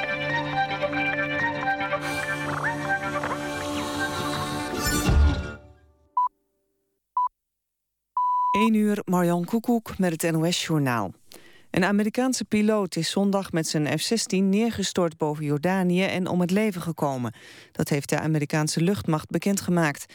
De crash zou niks te maken hebben met oorlogshandelingen. De piloot meldde kort na het opstijgen technische problemen en besloot terug te keren, maar hij haalde de basis niet. Het Amerikaanse leger voert luchtaanvallen uit op IS in Irak. De straaljager was volgens CNN op weg naar een bombardement. Acteur Bill Cosby verbreekt de banden met de universiteit waar hij is afgestudeerd. Hij trekt zich terug als lid van de Raad van Toezicht van de Temple Universiteit in Philadelphia vanwege het seksschandaal waarin hij verwikkeld is. Zo'n twintig vrouwen hebben Cosby de afgelopen tijd beschuldigd van aanranding of verkrachting. Hij zou een aantal van hen hebben gedrogeerd voordat hij zich aan hen vergreep. Voor andere instellingen waar Cosby contacten mee had... was dat al reden om de samenwerking te verbreken. Cosby vertrekt nu uit eigen beweging bij Temple omdat dat volgens hem in het belang is van de universiteit. Op zijn eerste dag als voorzitter van de Europese Raad heeft Donald Tusk gebeld met Barack Obama. Tusk zegt dat het telefoontje met de Amerikaanse president onderstreept hoe belangrijk de relatie met de Verenigde Staten is. Ze spraken onder meer over de crisis in Oekraïne. Tusk zei dat ze het erover eens zijn dat het heel belangrijk is dat Rusland zich terugtrekt uit het oosten van Oekraïne en dat het geen manschappen en materieel meer moet sturen. Ook was de Pool het naar eigen zeggen eens met Obama over de sancties die opgelegd zijn aan Rusland. Tusk werd vandaag geïnstalleerd als opvolger van Herman van Rompuy... de eerste officieuze president van Europa. Dan nog het weer. Het is overwegend bewolkt en droog. Vannacht liggen de minima rond het vriespunt. Morgen overdag wordt het 1 tot 4 graden. Vaak is het bewolkt en mogelijk valt er soms wat lichte neerslag. Dit was het NOS Journaal. NPO Radio 1. VPRO. Nooit meer slapen.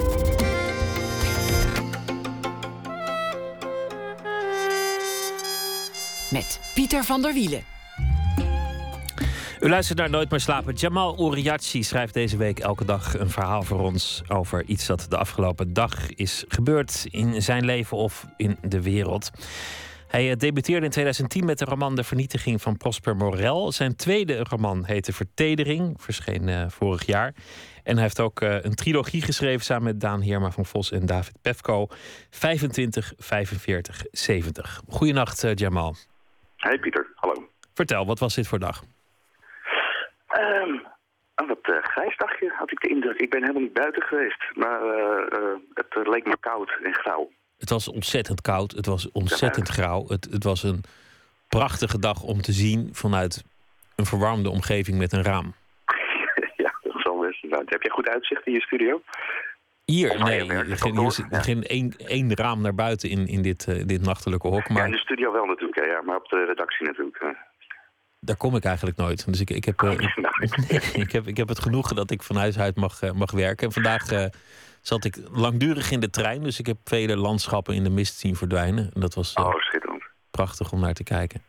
En ja, ja, elke dag een verhaal schrijven, dat betekent dat je dan ook het nieuws volgt en nadenkt over de wereld. En wat hield je ja. bezig? Nou, vandaag niet specifiek eigenlijk. Uh, het, is, uh, het is een beetje een... Uh, ja, ik denk dat ik het gewoon maar moet gaan voorlezen. Dan, dan wordt wel ongeveer duidelijk hoe ik uh, deze dag een beetje heb, ben doorgekomen. Oké, okay, ga je gang. Het heet de winterslaap. De dag is 1 december. Maandag 1 december zelfs. Na een ontbijt op bed mogen mijn ega en ik allebei het eerste vakje van onze adventskalenders openen. De ochtendkrant dreunt lusteloos de uitlopers op van wereldwijde kwesties. Uitgeputte redacteuren moeten besloten hebben dat ze nog meer beelden van de rellen in Ferguson niet aankonden. In godsnaam daar maar een dodelijk vermoeide variant. Foto's van demonstranten met melk in hun ogen tegen het branden van het traangas. Twee pagina's mee gevuld. De voorzienigheid zwengelde rond het middaguur aan het luchtalarm. De sirene klonk melancholiek alsof ze terugverlangde naar de tijden van Odysseus... toen de mensen nog moesten vechten om niet naar haar te luisteren. Nu halen ze hun schouders op als zij klinkt. Kreunend kom ik uit bed, een blik uit het raam. Niemand heeft de moeite genomen om de lucht in te kleuren. De bomen hangen nog vol okergele bladeren... omdat de weergoden de moed niet meer op konden brengen voor een stevige najaarstorm. Zwarte Piet vecht tegen een burn-out. De strijders van IS leven op Red Bull en Snickers. Het ebola-virus sterft spontaan uit bij het aanhoren van de 27e versie van Do They Know It's Christmas. Louis van Gaal kan door het drukke decemberschema van Manchester United zijn vrouw en kinderen niet zien met kerstmis. En wie kan er na een jaar van explosies, luchtaanvallen en neergeschoten vliegtuigen nog uitkijken naar het afsteken van die duizendknaller op de 31ste? Als ik nog één keer Happy van Pharrell Williams hoor, ga ik een genocide. De wereld is doodop. Een winterslaap zou zo gek niet zijn. Eén maandje onder de wol. En op 1 januari gezond weer op. Ja, maar Jamal, dan, dan, Ja. dan kom je uit je bed op 1 januari. En dan, dan krijg je de hele maand januari nog over je heen. Die, die, is, die is nog vele malen erger, joh. Oh, heerlijk. Zo'n lege maand. Dat lijkt me heel fijn. Ja, dat, eh, dat vind ik wel gunstig juist. En, de, en, Ik, en na januari is het gewoon keihard februari, hoor. Wat je, wat je er ook aan doet. Ik bedoel, het is gewoon winter. Je, je moet gewoon verder. Ja, het is, het is niet eens winter. Het is meer een beetje zo'n... Als je zo op het eind van zo'n jaar, dus aan 1 december, terugkijkt... dan, dan zijn er die, die voortdurende kwesties die maar blijven spelen, die maar blijven spelen. Dan krijg ik zin in een schone lei. Eh, van, laat er maar weer eens wat, wat nieuws gebeuren. En niet dezelfde discussies en altijd weer eeuwig eh, dezelfde nieuwsberichten. Het heeft daar hangt iets vermoeids in de lucht. Althans, dat was ik, wat ik dacht toen ik zo naar buiten keek vandaag. Dat, dat ja. en dat grijze. Ja. Dat is inderdaad waar, want een aantal kwesties in het, in het nieuws die slepen wel erg lang door. En voor een deel is dat ook gewoon de werkelijkheid. Ik bedoel, dat, dat is ook een soort mediaverveling. En oorlog duurt nou eenmaal niet kort. Dus, dus Ja. dat de media verveeld raken of, of de, de nieuwsconsument, ja, daar, daar kan die oorlog niks aan doen. Ja. Het is geen reden. Het is nooit een reden geweest om een oorlog te stoppen. Dat zou toch een mooie wereld zijn. Dat, die- dat ze dachten, nou, we kappen ermee, want, want het publiek is het zat. Ja, nee, nee, het is meer natuurlijk dat soort dingen als de Zwarte Piet discussie of zo. Ja, Eh, nou ja, precies. Vanavond weer een hoogtepunt. Dus laten we het er verder ook niet over hebben. Maar goed, dat, dat sleept maar door en dat sleept maar door. En dan eh, hoop ik op een heel saai en leeg januari. Dat zou mooi zijn. Waarin gewoon helemaal niets gebeurt, uiteindelijk. Ja, ja. Zit er niet in, denk ik. Maar goed, kan, Nee. je kunt er altijd op hopen. Maar goed, het is niet een beginnende winterdepressie wat ik hier hoorde. Nee, nee, ik ben zelf eigenlijk vrij energiek en vrolijk. Dus het is, eh, nee, ja, het is meer een soort observatie van de wereld. Maar ja, dat zegt misschien ook wel weer iets over mij en hoe ik ernaar kijk. Maar goed, ik, eh, over het algemeen, eh, nee, ga ik wel lekker. Mooi, goed om, goed om te horen. Voor de luisteraars die er wel aan lijden, het befaamde advies, advies van alle deskundigen is om gewoon door te gaan en niet te gehoorzamen aan de neiging om in bed te blijven, want dan kom je er nooit overheen. Je moet naar buiten, trotseer dat weer en zoek het daglicht als je het ergens nog kan vinden. Ja, vandaag was hij er dan even niet, maar misschien komt hij nog. ja, wat mij betreft ga je ook lekker onder de bol kruipen een hele maand lang. Dat is ook eh, prima. Ja, of gewoon drie maanden lang lekker joh. Gewoon goed idee. Ja, waarom niet? Ja, ja. Jamal, dankjewel. En eh, morgen krijgen we weer een eh, verhaal van jou over die ongetwijfeld ook zeer grijze dag. Maar dan vinden we vast wel iets wat er ergens gebeurt in de Dat wereld. vast wel kleur. Tot morgen. Jamal Oriachi, dankjewel. Charles Aznavour, eh, natuurlijk bekend van zijn eh, Franstalige oeuvre, maakte één hitje, of nou, een paar hitjes in, eh, in het Engels. She was daarvan de bekendste. Een klein beetje een draak, maar in al zijn zoetsappigheid toch wel leuk. Is dit keer bewerkt door een, een duo. Uit eh, 2014 stamt deze versie van She and Him, de klassieker. She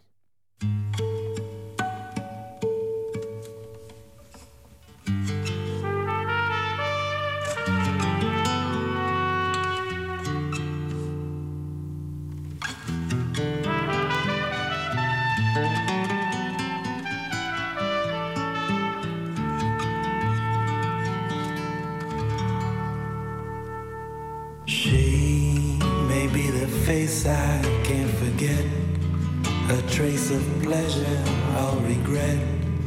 May be my treasure or the price I have to pay. She may be the song that summer sings, Maybe the chill that autumn brings, maybe a hundred different things within the measure of a day.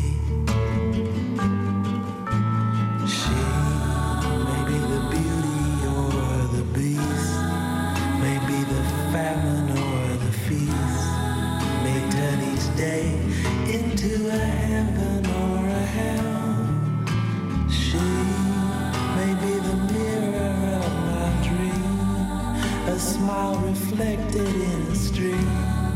She may not be what she may seem inside her shell.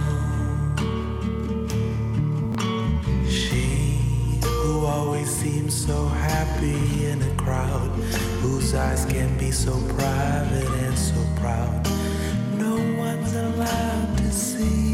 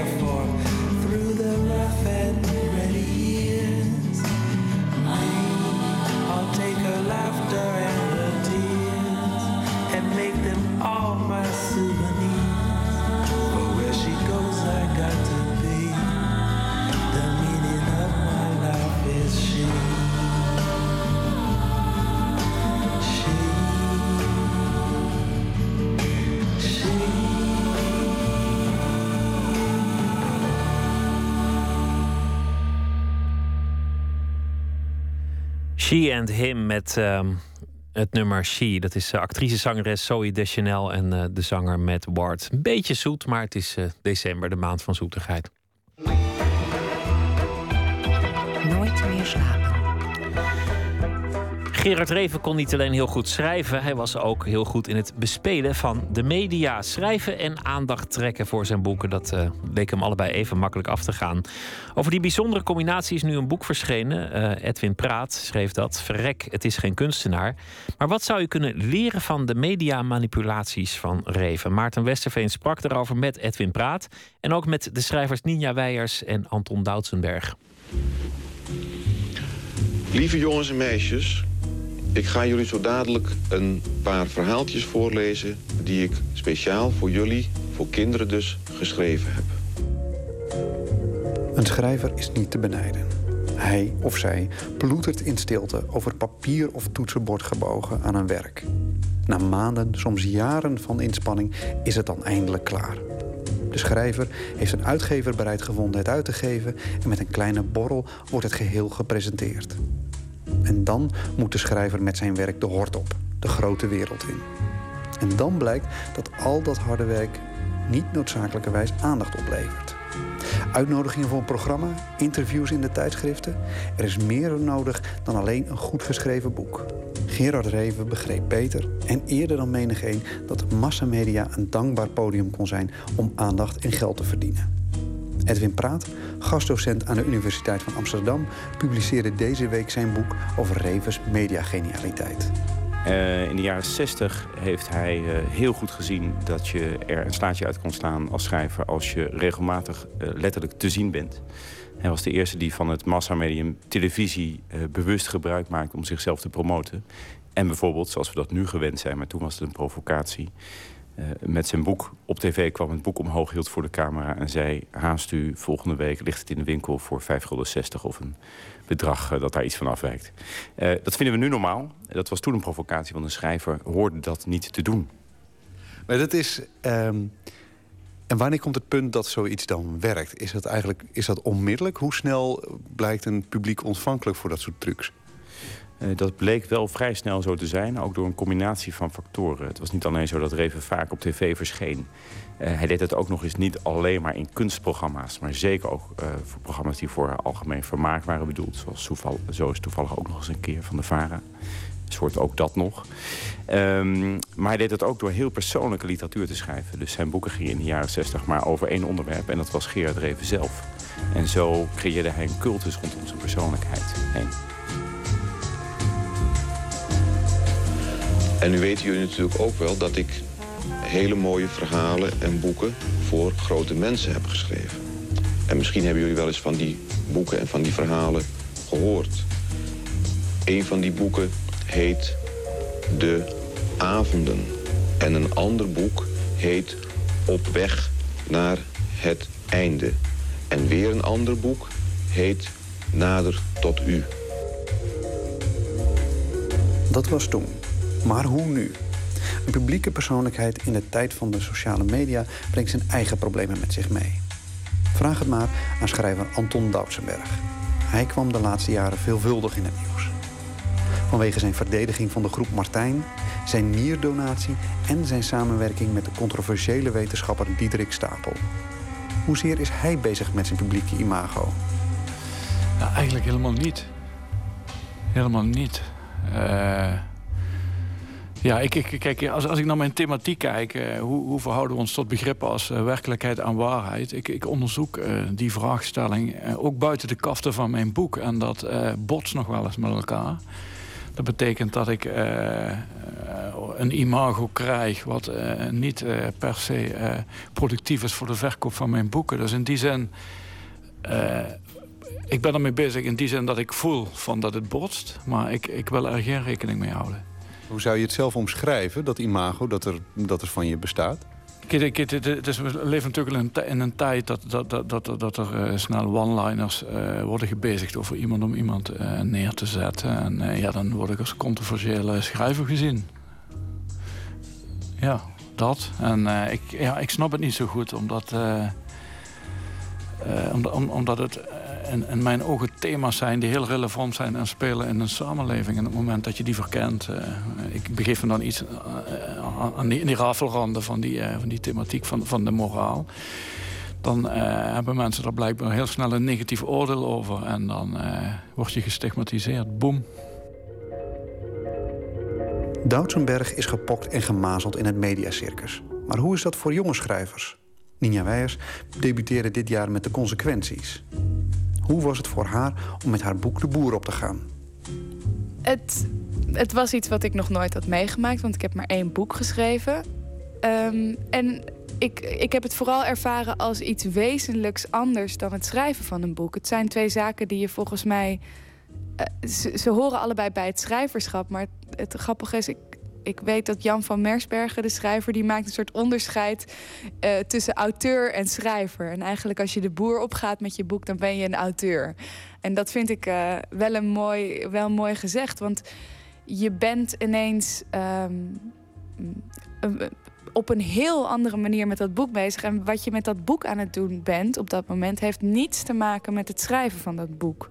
En tegelijkertijd, natuurlijk, is het, gaat het om je boek.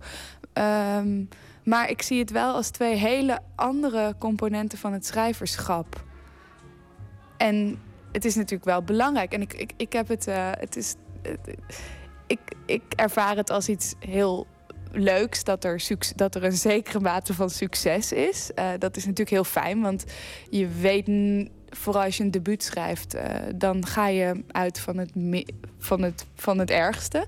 Uh, dan hoop je dat ze in ieder geval een eerste oplage opkrijgen en dat die niet in de papierversnipperaar hoeft. Dat was een beetje mijn verwachting ook, want ik daar, was daar wel realistisch in. En dat dat dan niet gebeurt en dat er dan zelfs nog meerdere drukken komen, is natuurlijk heel verheugend en heel erg leuk. Um, tegelijkertijd um, merk ik dat het ook. Ja, dat, dat, dat gedoe eromheen is ook maar gedoe eromheen. Het is niet de hoofd. Het is, het is, niet, het is, het is niet de hoofdzaak uiteindelijk. Ik denk dat na hem of na zijn schrijverschap uh, het in ieder geval veel moeilijker is geworden om je op een aantal gebieden als schrijver te onderscheiden en taboes te doorbreken. Want dat heeft hij op nogal wat terreinen gedaan. En een van die terreinen was inderdaad, je zult je niet commercieel opstellen. Maar andere terreinen waren uh, bijvoorbeeld, uh, je zult niet uh, openlijk als homoseksueel op de televisie komen als kunstenaar. en je zult een altijd goed beargumenteerd standpunt huldigen. Om dat maar zo te verwoorden. Wat maakt hem nou zo. Wat maakte nou dat hij daar zo geschikt in was? Dat hij, wat maakte nou dat hij zo goed die regels kon breken. En, en, en, dat dan ook nog eens naar zijn hand zetten. Ik denk dat hij iemand was met een ontzettend goed gevoel voor. Nou, dat denk ik niet alleen, dat weet ik. Met een ontzettend goed gevoel voor publiciteit. Voor uh, zere benen van maatschappij en open zenuwen. Maar het was ook een, uh, niet ontzettend goed, maar wel een behoorlijk goed acteur. Iemand met een goede timing. Iemand die heel erg goed een rol kon neerzetten en dat ook voortdurend deed. En ik denk als we één ding als schrijver kunnen leren van Reven... als wij uh, eenzelfde soort publiek aan ons willen binden... is dat we heel goed moeten kunnen acteren. Goed, ik, ik, heb zelf niet het idee dat ik ben een foppen... maar ik, speel natuurlijk wel, wat ik net al zei... met, uh, met, met, met, met de thematiek van hoe verhouden we ons tot werkelijkheid en, en waarheid... en hoe eiken we die en hoe gaan we daarmee om... en vooral ook... Uh, ja, hoe, hoe, hoe, projecteren we zeg maar, die, die waarden die dan ontstaan op, op, op, op apparaties of, of, of minderheden. En uh, ja. ja, dit verbaast me wel, ja, hoe mensen erop reageren, ja. Eh, de, verbaas je dat mensen er zoveel energie aan besteden? Of gewoon dat het... Een, wat verbaas je er precies aan? Uh, dat mensen zo snel uh, aanstoot kunnen nemen aan, aan een onderwerp... of een benadering van een onderwerp. En, en echt oprecht kwaad worden op mij. bijvoorbeeld, ja, kijk, het is natuurlijk algemeen bekend... dat ik stelling neem in, in zaak Martijn... Mensen krijgen echt een schuim op de mond. alle nuance is verdwenen. Ik krijg ook bijna niemand de kans om erover te praten. Dus al bij voorbaat is de discussie al dichtgetimmerd van pedof pedofielen zijn kinderverkrachters en Doutsenberg is een viezerik. Punt. En ja, ik zie het gebeuren en ik kijk ernaar en ja, voor een deel is het overmacht. En ja, er zijn natuurlijk wel dagen dat ik, dat ik er niet vrolijk van word. Zeker als ik uh, zeg maar een soort beroepsverbod krijgen. En uh, ik, uh, mijn maatschappelijke carrière buiten het schrijverschap natuurlijk totaal niet op gang meer komt hierdoor. Dus dat is wel eens moeilijk, maar aan de andere kant, ja, kijk, ik, ik pak die vrijheid en ja, en ja. Ik, ik, vind het, ik vind het ook wel prettig dat ik, dat, ik, dat ik die vrijheid kan pakken. Dus we leven natuurlijk wel in een land dat, dat mensen wel allemaal mening over je hebben, maar ze laten je toch wel met rust. Heb je het gevoel dat het ook anders voor je is omdat je vrouw bent? Ja, het is heel anders voor mij omdat ik vrouw. Ik denk dat het, ja, de categorie vrouw speelt helaas nog wel een te belangrijke rol in dit hele debat. Ik, uh, vrouw zijn is meer een categorie dan man zijn. Dus een. Uh, vrouwelijkheid lijkt bijna meer gender te zijn dan mannelijkheid. Maar dat komt omdat mannelijkheid eigenlijk de standaard is. En vrouwelijkheid daar dan per definitie een afgeleide van wordt.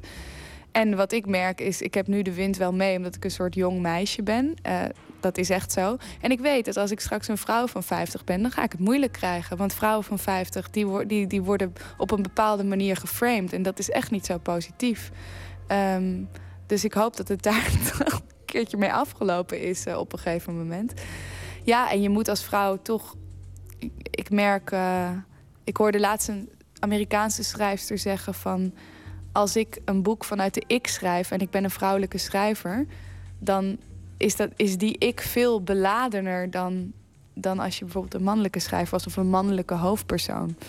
Ehm, ja, het, het, interesseert me wel hoe dat werkt. En tegelijkertijd probeer ik dat ook wel actief te doorbreken. Maar ik merk bijvoorbeeld bij mezelf. Ik ben bijvoorbeeld gauw bang dat ik niet serieus genomen word. Of dat ik vanavond hier in een panel zit met Anton Doutsenberg en Christian Weitz. En dat ik denk, oh god, ben ik weer het, ben ik het meisje dat daartussen plaats moet nemen. Dan ben ik me wel actief bewust van die rol. Dan denk ik, ja, nee, ik ga niet dat meisje zijn. En dan moeten jullie aan papa en mama maar vertellen dat ze die mooie grote mensenboeken die ik geschreven heb moeten kopen. En die boeken die kosten maar 8,50 gulden. En in die boeken komt van alles voor. Ja, de laatste woorden waren Gerard Reven zelf, uh, die daar hoorde. U hoorde Edwin Praat, Nina Weijers en Anton Doutsenberg. Praats nieuwe boek Verrek, het is geen kunstenaar... is uh, vanaf heden te krijgen in uh, de boekwinkel. Een bijdrage van Maarten Westerveen met dank aan Spui 25 het eh, Academisch Cultureel Centrum in Amsterdam, dat al die schrijvers bij elkaar wist te brengen. O.V. Wright was een Amerikaanse soulzanger die succes had in de tweede helft van de jaren 60. In de jaren 70 ging het allemaal iets minder, mede veroorzaakt door de drank en de drugs. Overleed veel te jong in 1980. Eh, Hij was toen 41 jaar. Een van zijn leukere nummers, A Nickel and a Nail.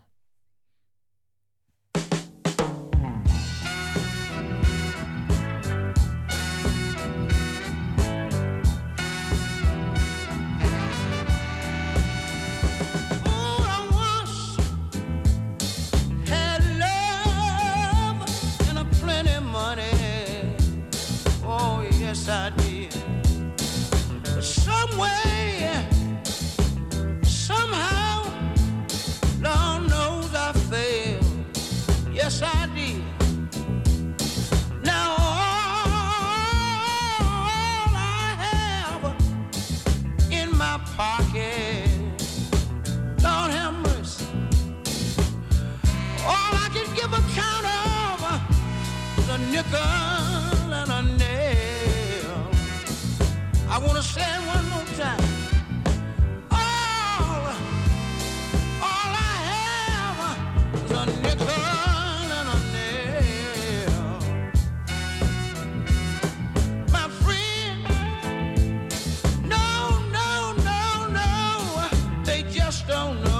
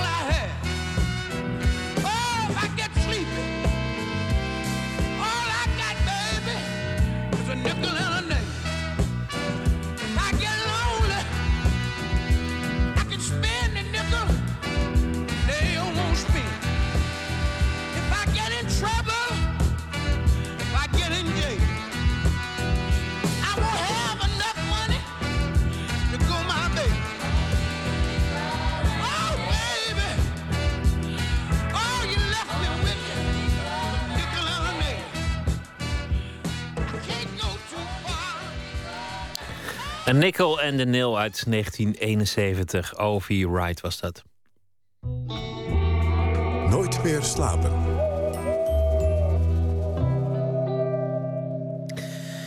Jet Bussemaker namens de Partij van de Arbeid, minister van Onderwijs en zo nog wat zaken, heeft vandaag een subsidieprogramma gelanceerd. De titel daarvan was The Art of Impact. Het gaat over kunstprojecten die een duidelijk maatschappelijk effect teweeg brengen. En daar gaat eh, de komende twee jaar maar liefst 7 miljoen euro naartoe. Niet iedereen is daar blij mee. Anton de Goede is onze nachtcorrespondent, dook eh, tot, tot zijn haargrens in het eh, dossier. Goeienacht, Anton. Goeienacht, Pieter. Ja, vertel, Ja, wat, wat, wat is dat ehm, een duidelijk maatschappelijk effect van een eh, kunstproject? Nou, dat is nu precies de essentiële eh, vraag bij dit alles. Hoe kan kunst verschil maken voor een wijk bijvoorbeeld? Hoe kan een componist muziek maken waardoor verschillende groepen in de samenleving nader tot elkaar komen? Dat soort vragen werden er eh, gesteld tijdens een congres eerder vandaag. Dat heette Cultuur in Beeld. Vanochtend in de Vanellenfabriek in Rotterdam, waar Jet Bussemaker een nieuw initiatief lanceerde, wat jij net omschreef. En zij heeft het plan gelanceerd dat er geld moet komen, maar liefst 7 miljoen. En dat is echt vrij veel geld, vond ik. eh, voor kunstenaars die, ja, zijn ze er zelf eigenlijk uit wat het, wat het is. Die iets doen waardoor de maatschappij en de kunst met elkaar verbonden worden. Maar is, wacht, het. Anton, is dat, is dat wel de taak van een kunstenaar om, om een wijk te verbeteren? Eh, ik bedoel, Nou toen Vivaldi die vier jaargetijden eh schreef, dacht hij toch ook niet aan een achterstandswijk die, eh, die in de vaart der volkeren vo- vooruit moest worden geholpen? Nee, dat is nou precies het vreemde eraan. Jet Bussemaker die heeft in een begeleidend filmpje... die Art of Impact heeft een eigen website gekregen... een soort toespraak gehouden waarin ze zegt... kunst, cultuur en samenleving hebben elkaar nodig. Niet alleen omdat het ons inspiratie biedt... en bijdraagt aan onze identiteit, et cetera, et cetera... Ehm, maar omdat de wereld er beter van moet worden. Nou, heel raar. Ik heb een klein stukje laten horen. Hier hoor je Bussemaker in dat speciaal gemaakte filmpje ehm, op die website. Vandaar dat je ook wat spannende geluidjes hoort op de achtergrond. Steeds vaker zie ik dat ontwerpers en kunstenaars de gebruikelijke podia en instellingen verlaten. En de plekken opzoeken waar ze die spannende chemie met de samenleving direct aan kunnen gaan. Die kracht van de verbeelding op alle maatschappelijke terreinen wil ik zo groot mogelijk maken. En daarvoor is onderzoek nodig. Ruimte voor experimenten en startkapitaal voor nieuwe initiatieven. En daarom stel ik 7 miljoen euro beschikbaar voor die meest veelbelovende crossovers. Ja, maar wat ze hier zegt is eigenlijk dat het het initiatief is van, van die kunstenaar zelf. Nou, als die mensen al dan op zo'n grote schaal dat initiatief zelf nemen, waarom zou je er dan nog geld naartoe brengen? Kan je aan de ene kant zeggen. En aan de andere Dat is kant, hele- gaan ze er wel op eigen initiatief naartoe of volgen ze gewoon waar de subsidie ligt? Nou ja, dat is ook zo. Kijk, zij doet het hier een beetje voorkomen alsof die kunstenaars en artiesten uit eigen beweging de podia zijn, zijn afgestrompeld. Maar de waarheid is natuurlijk dat er extreem hard is bezuinigd. En ja, waar die, wat die, waar die kunstenaars nu mee bezig zijn, zij probeert nu als minister invloed uit te oefenen op welke kant het met die kunst heen moet. Zo voelt het toch een beetje. En volgens mij zit dat niet helemaal lekker. Ik vroeg me af wat Hans den Hartog-Jager, journalist, criticus, kunstkenner, van dit initiatief vindt. Hij schreef eerder een behartenswaardig essay over engagement in de kunst, waarover hij zo zijn bedenkingen heeft. En dit lijkt een beetje alsof die minister de kunstenaars stuurt in de richting van die geëngageerde kunst. Dat essay heet trouwens Het Streven. En hij zit dus helemaal in die problematiek. Gevraagd naar zijn mening over dit plan van Bussemaker... hield Den Hartog-Jager er vanmiddag geen spaan van heel. Luister naar zijn oordeel. Om eerlijk te zijn, toen ik dat persbericht vanmorgen zag binnenkomen, heb ik scheldend achter de computer gezeten. Ehm, ik dacht echt, zijn ze nou helemaal belaattafeld? Zijn ze hartstikke gek geworden? Ehm, toen ben ik wat gaan lezen en toen snapte ik dat het wel iets genuanceerder lag. Dat het makkelijk is om daar even heel hard het mes in te zetten. Dat er ook alle aanleiding voor is. Maar ze proberen het wel eh, een beetje tussen de gevaarlijkste klippen door te laveren. Maar ik vind het wel een heel twijfelachtig idee dat de overheid nu gaat proberen een bepaald soort kunst te stimuleren maatschappelijk. Ehm, dat is om heel veel redenen vreemd. Maar eh, het simpelste is wel dat het lijkt of kunst steeds meer een soort duizend dingen doekje van de maatschappij aan het worden is. Als we problemen hebben met allochtonen of noem maar op, dan hè, onder Rick van der Ploeg, dan moet kunst ineens aan, integratie gaan doen. Eh, en nu merken we dat kunst een beetje voor, voor veel mensen een soort geloofwaardigheid kwijt is. En tegelijkertijd hebben ja, veel, veel andere initiatieven behoefte aan innovatie en aan pardon, aan verandering. En dan denken ze, hé, hey, die twee gaan we bij elkaar brengen. Dan kan kunst mooi inspringen. Daar is kunst helemaal niet voor. Kunst moet hele andere dingen doen. Die zijn er niet voor om op dat niveau eh, beleidsdingen te steunen en te bepalen. Kunst moet hele, echt hele andere dingen doen. Al dus eh, Den Hartog-Jager, duidelijke taal, Anton. Ja, ehm, en ja, nou, ik kan niet anders dan helemaal begrijpen wat hij zegt. Eh, het is toch zo dat we in een land leven waar het criterium altijd was, het uitgangspunt voor kunst, dat Thorbecke gezegd had: de overheid moet zich niet met de kunst bemoeien. Ehm, en nu gebeurt dat eigenlijk met dit bedrag van die 7 miljoen heel erg. Maar aan de andere kant, Anton, eh, Ja. kijk, zo is het natuurlijk toch altijd geweest. Hè? Want, want eh, toen Michelangelo in de Sixtijnse kapel mocht schilderen, toen zei de paus ook niet: doe maar waar je zin in hebt, of, of volg je gevoel, of, of je bent een autonoom artiest. Die gaf ook een concrete opdracht. En hij dacht ook van: nou ja, ik doe maar wat engelen, want dan, dan is mijn opdrachtgever blij. Dus, dus in die zin is de kunstenaar al eeuwen geknecht door de man met het geld. Ja, maar mogen wij dan als toeschouwers En als eh, betrokkenen, als kunstgenieters, daar wel eh, iets van vinden en dat ook signaleren als het opeens toch een andere kant op gaat dan het jaren gegaan is. Wat in ieder geval gezegd. Ja, wat, ja, daar ben ik benieuwd naar. Wat Nou ja, zei Den Hartog Jager? Nou ja, die spreekt in deze echt van een enge ontwikkeling. Waar ik heel eng vind, is dat er blijkbaar toch een soort ideologie achter zit. Want dat klinkt nou niet zo, maar het grote probleem is... wat is nou precies maatschappij betrokken? En wanneer doe je dat naar de zin van de fondsen en van het ministerie? Dat betekent eigenlijk dat je dus aan bepaalde dingen moet voldoen... aan bepaalde staatsnormen. En misschien zullen die uitgesproken zijn, misschien niet.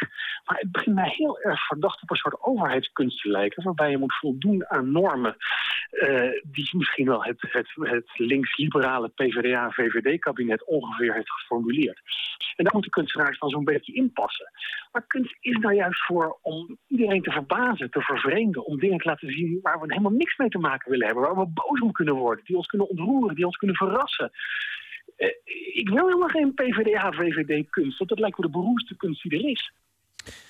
Daar heeft hij natuurlijk een punt, want, want uiteindelijk is geëngageerde kunst of maatschappelijk betrokken kunst, hoe je het noemt, is meestal ook gewoon verschrikkelijk saaie kunst. Ja, dat is het punt dat hij maakt in dat essay dat in boekvorm is verschenen. Het streven dat eh, kunst met een verkapte ideologie eigenlijk meestal hele saaie kunst wordt. Uit betrouwbare bron weet ik trouwens dat hij morgen in trouw heel erg aangevallen gaat worden. Hans den Hartog-Jager. Dus er zijn andere mensen die er heel anders over denken. Maar eh, hij zegt: kunst moet gemaakt worden in een omgeving die volledig vrij is. En een kunstenaar die moet eh, doen wat hij wil. En die vrijheid die moet de overheid hem bieden. Niet meer en niet minder. En eh, dat is dus wat er nu helemaal niet gebeurt. Lijkt me ook een illusie Eh. hoor, dat de overheid andermans vrijheid gaat, gaat bekostigen. Als je, als je vrijheid wil, dan moet je dat op een andere manier bewerkstelligen. Maar ik denk dat de tijd voorbij is dat je nog op een overheid moest rekenen in dat soort dingen. Ja, nou ja, ik, wat eigenlijk die overheid en die website wil en dit initiatief is heel vaag. En ik sprak vanmiddag met Gijsbert van der Wal, die voor NRC schrijft en die ook voor Nooit meer slapen werkt. En die zei: Ja, ik begrijp eigenlijk ook niet wat ze willen.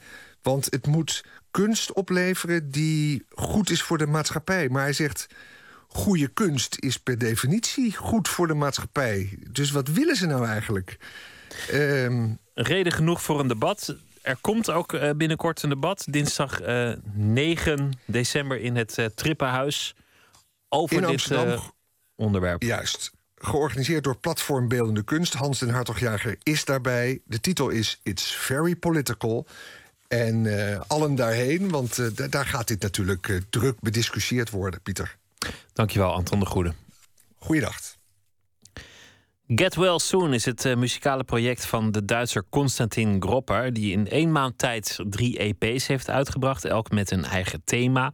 We gaan luisteren naar eh, een van de nummers eh, daarvan, Mail from Heidegger. thrown into this world and like this this be all there is. Nurturing tyrants and teaching to ski. Surely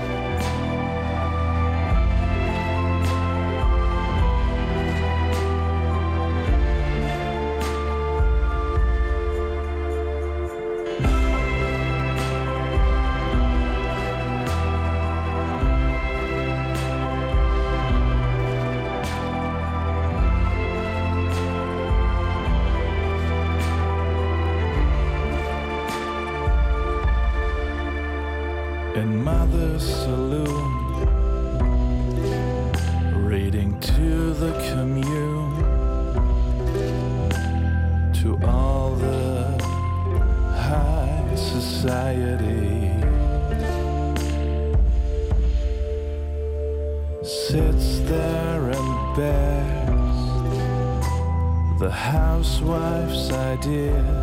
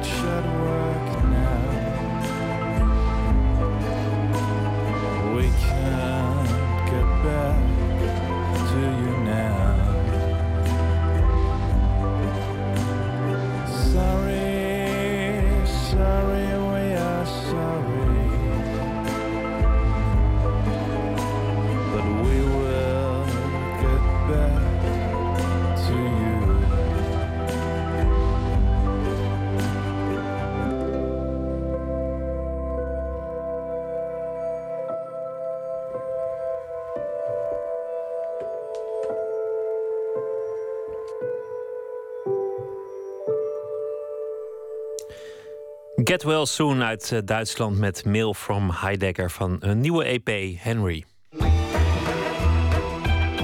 Nooit meer slapen. Pim Kops is eh, muzikant, speelt piano en orgel in de popgroep De Dijk en ook in het Avalanche Quartet. En daarnaast is hij ook fotograaf. In de Amstelkerk in Amsterdam opende vanavond een tentoonstelling van 80 foto's die hij de afgelopen jaren heeft gemaakt. Allemaal zo'n beetje van de Amsterdamse binnenstad, de plek waar hij werkt en ook zijn belangrijkste onderwerp. Verslaggever Gijsbert van der Wal die werd erop afgestuurd en ontmoette al daar Pim Kops. We zien Paradiso vanaf het podium. Na de allerlaatste toegift van het allerlaatste optreden van de dijk, eh, mijn bandje, in 2012. In december spelen we dan altijd een aantal keer. En dat is dan de afsluiting van het jaar. En toen heb ik nog even een foto gemaakt van de zaal, van de mensen. En dat is, dat is wat je ziet. Ja, en dat is best wel bijzonder om te zien als je, als, je het, als je de aanblik niet kent. Want zo ziet dat er dus uit, een stampvol paradiso. Vanaf het podium, ja. Dat is wat je ziet. Allemaal handen en lachende mensen die heel blij waren... omdat ze een fijn optreden hebben meegemaakt. Ik fotografeer al een paar jaar bijna elk dijkoptreden vanaf het podium. En je staat een beetje achter op het podium natuurlijk als toetsenist. Dus je ziet ook vaak de rug van de zanger of van de Je bassist. ziet alle andere muzikanten op hun rug. En het grappige is dat eh, ik, ik baalde er al eigenlijk al een tijdje van. De, zolang als we bezig waren. Dat je, als er foto's zijn van optredens, dan zie je altijd meestal ook nog ingezoomd de muzikanten. Maar je ziet nooit de sfeer van de zaal, het publiek. Dat zie je nooit. Nee. En dus ik vond het een, echt een. Nou, we zien nooit jullie kant van de zaak, dat is het. Ja, maar ook gewoon puur voor onszelf. Voor de andere bandleden is het ook leuk om iets vastgelegd te hebben. Dat er iets vastgelegd is van, eh, van hoe wij dat zien. Deze foto heb ik eigenlijk op het allerlaatste moment pas bij de selectie gedaan voor de tentoonstelling. Omdat ik ineens dacht, ja, er moet toch één link zijn met mijn muzikantenbestaan. En dus ik vond toen ineens, hij moet ertussen. Dus dan net even een soort venstertje naar mijn leven als muzikant. En het is toch ook Amsterdam? En het is ook Amsterdam. Precies, dus het past er helemaal bij. Dat is helemaal goed. Ja.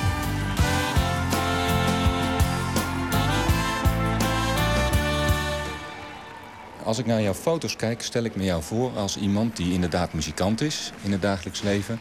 En die dan eh, s s'avonds laat of aan het begin van de nacht thuiskomt in Amsterdam. En dan misschien nog even om het lawaai en de drukte van zo'n concert uit je hoofd te krijgen... een wandelingetje maakt door de, de grotendeels verlaten stad. Want zo zien die nachtfoto's eruit. Klopt die indruk? Ja, dat klopt wel, ja. Maar die nacht is, is eh, de een of andere manier... eh, ik bedoel, helemaal tegenwoordig met steeds meer toeristen. En, eh, dus de Amsterdamse binnenstad is gigantisch druk altijd. Eh, eh, En alle jij woont in de binnenstad, hè? En ik woon in de binnenstad. Dus, en alle dagen van de week ook. Gewoon heel veel mensen. En s'nachts, als ik van een optreden terugkom, nu of drie, misschien wel zelfs vier s'nachts, dan is het gewoon uitgestorven. Dus dan heb je de stad voor jezelf. Ja, dat is ook, dat is ook een beetje het, eh, het, het, het, eh, mooie gevoel, inderdaad. Dat je, dat is, dan is de, stad, de stad is voor mij, zeg maar zeggen. Dat eh, is één op één. Stad en ik. Dan maak ik soms een enorme zwerftocht van de ene foto naar de andere. Je hebt dus altijd je camera bij je? Ik heb hem altijd bij. Nu ook? Nu ook. Laat eens zien. oh, dit is een hele kleine. Ja, heel klein. Maar dat is weer... Kijk, die grote camera's waar iedereen altijd mee loopt... dat is, vind ik althans, totale onzin. Want die neem je dan mee, maar die heb je natuurlijk niet altijd bij je. Of hij zit in een enorme tas. En als je iets ziet, dan moet je eerst die tas openmaken. Die moet je dan ook bij je hebben.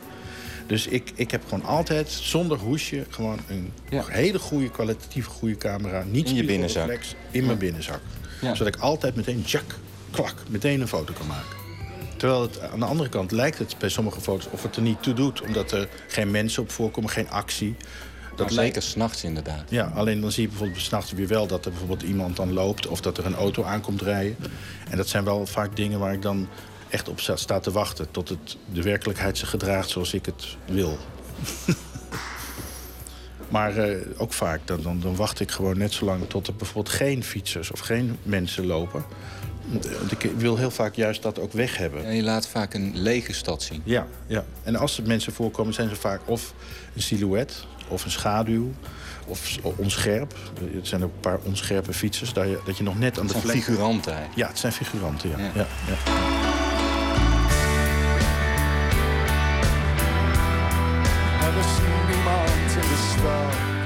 Ik fotografeer heel veel straten, maar ik zie mezelf eigenlijk niet eens als een straatfotograaf. Dus dan denk ik meer aan eh VG en eh, William Klein en... eh, stad. Ja, straatfotografie is een genre waarbij mensen in de straat... inderdaad, vooral de mensen in de straat fotograferen Exact. eigenlijk. De- het rumoer in de straat. Ik ben ook niet geïnteresseerd in de zelfkant van de maatschappij. En eh, armoede en drugs en... eh, Ja, dus wat dat betreft ben voor je, de jongeren. je bent ook niet een, reportagefotograaf. Precies, ja, ja. Maar het is wel weer zo dat mijn straatfotografie eigenlijk gewoon landschapsfotografie is.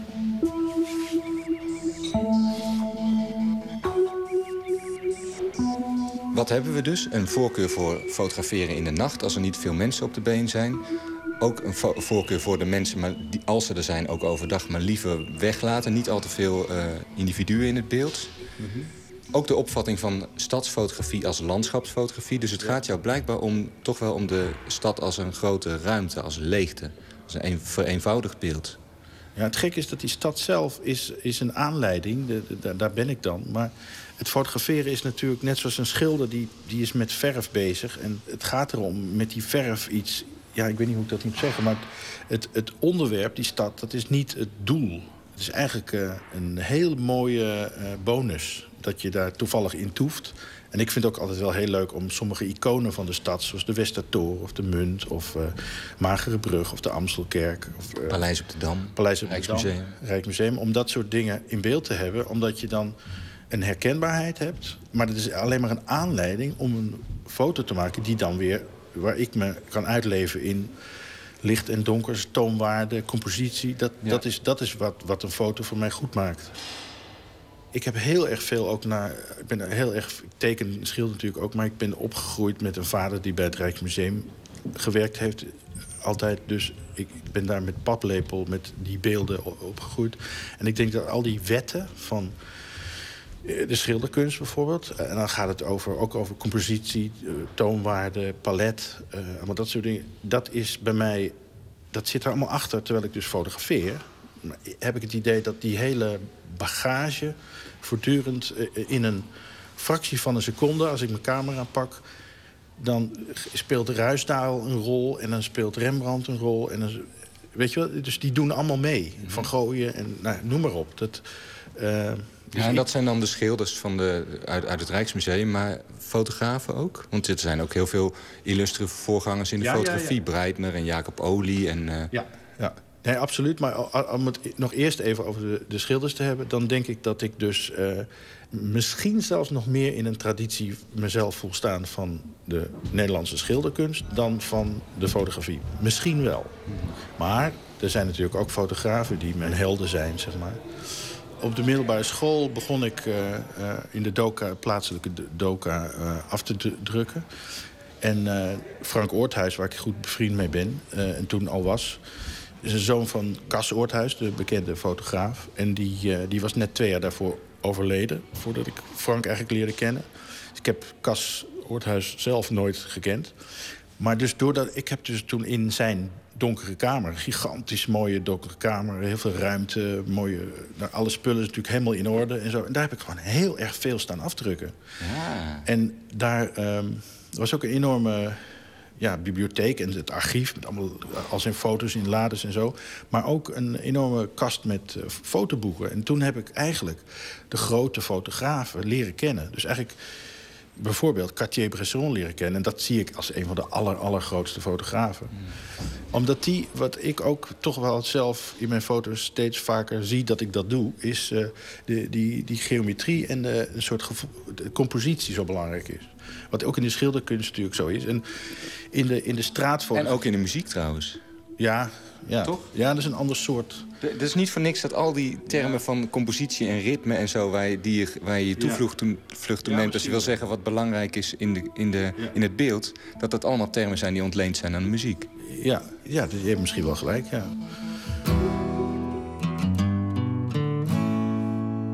Ik vind ook dat, eh, dat eh, de, de, de Hollandse landschapsschilders... de Haagse School en, eh, de, en de 17e eeuwers... eh, tot en met eh, de Breitner, Witse en zo, die nieuwere garde... Die, die hebben, wat mij betreft, in ieder geval mijn... maar ook onze, onze kijk op het Nederlandse landschap ook gemaakt eigenlijk. Het is niet voor niets dat mensen heel vaak zeggen... jeetje, we rijden nu door een, een ruisdaallandschap. Of een, weet je wel? En ik, ik denk dat dat ook wel met Jacob Olie en Breitner bijvoorbeeld... eh, die hebben natuurlijk ook wel op een bepaalde manier de, de blik in de, op de stad eh, eh, bepaald. Ja, en het gaat dus zelfs nog verder. Dat kun jij niet zeggen, want jij moet natuurlijk bescheiden zijn. Maar als ik hier naar buiten loop, nadat ik jouw tentoonstelling heb gezien... ik loop hier het Amstelveld op of langs de grachten... dan zie ik Amsterdam ietsje meer met jouw ogen.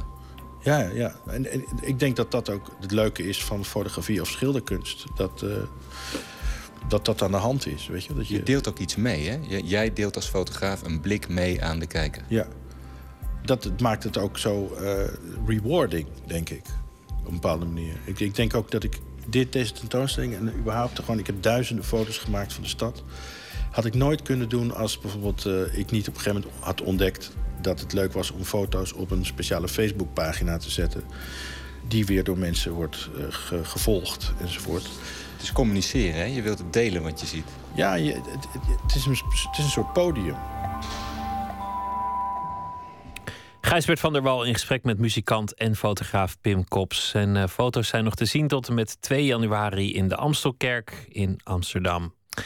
Badly Drawn Boy werd door het eh, Britse muziektijdschrift Q eh, genoemd. Een van de bands die je in je leven gezien moet hebben. Want hun shows zouden zo sensationeel zijn. Inmiddels is daar veel om te doen, want eh, de zanger eh, Damon Koch... die schijnt er een gewoonte van te maken om het eh, publiek uit te schelden...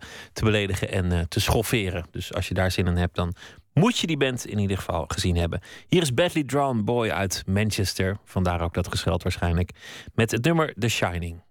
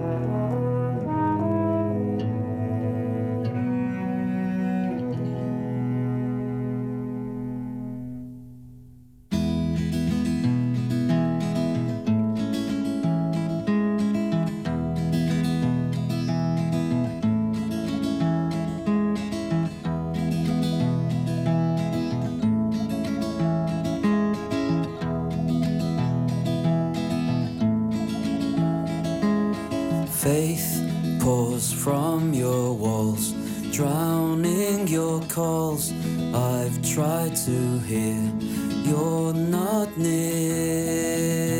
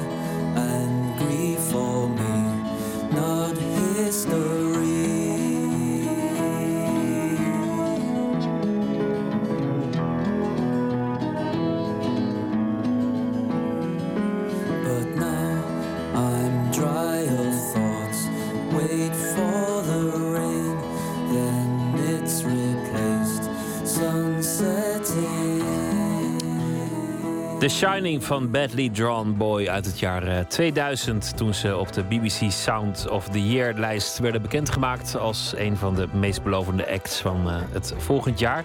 Een lijst die overigens ook eh, net is verschenen voor het jaar eh, 2015. Daarover later meer. Morgen in Nooit meer slapen, Pek van Andel schreef een boek over serendipiteit. Dat je iets vindt waar je helemaal niet naar op zoek was. En dat is eh, toch een van de mooie dingen van de wetenschap. Voor nu een hele goede nacht en eh, graag weer tot morgen. Straks de EO met Dit is de Nacht. Ik wens u een hele goede nacht en graag weer... eh, oh, dat zei ik al. Tot morgen. Op Radio 1, het nieuws van alle kanten.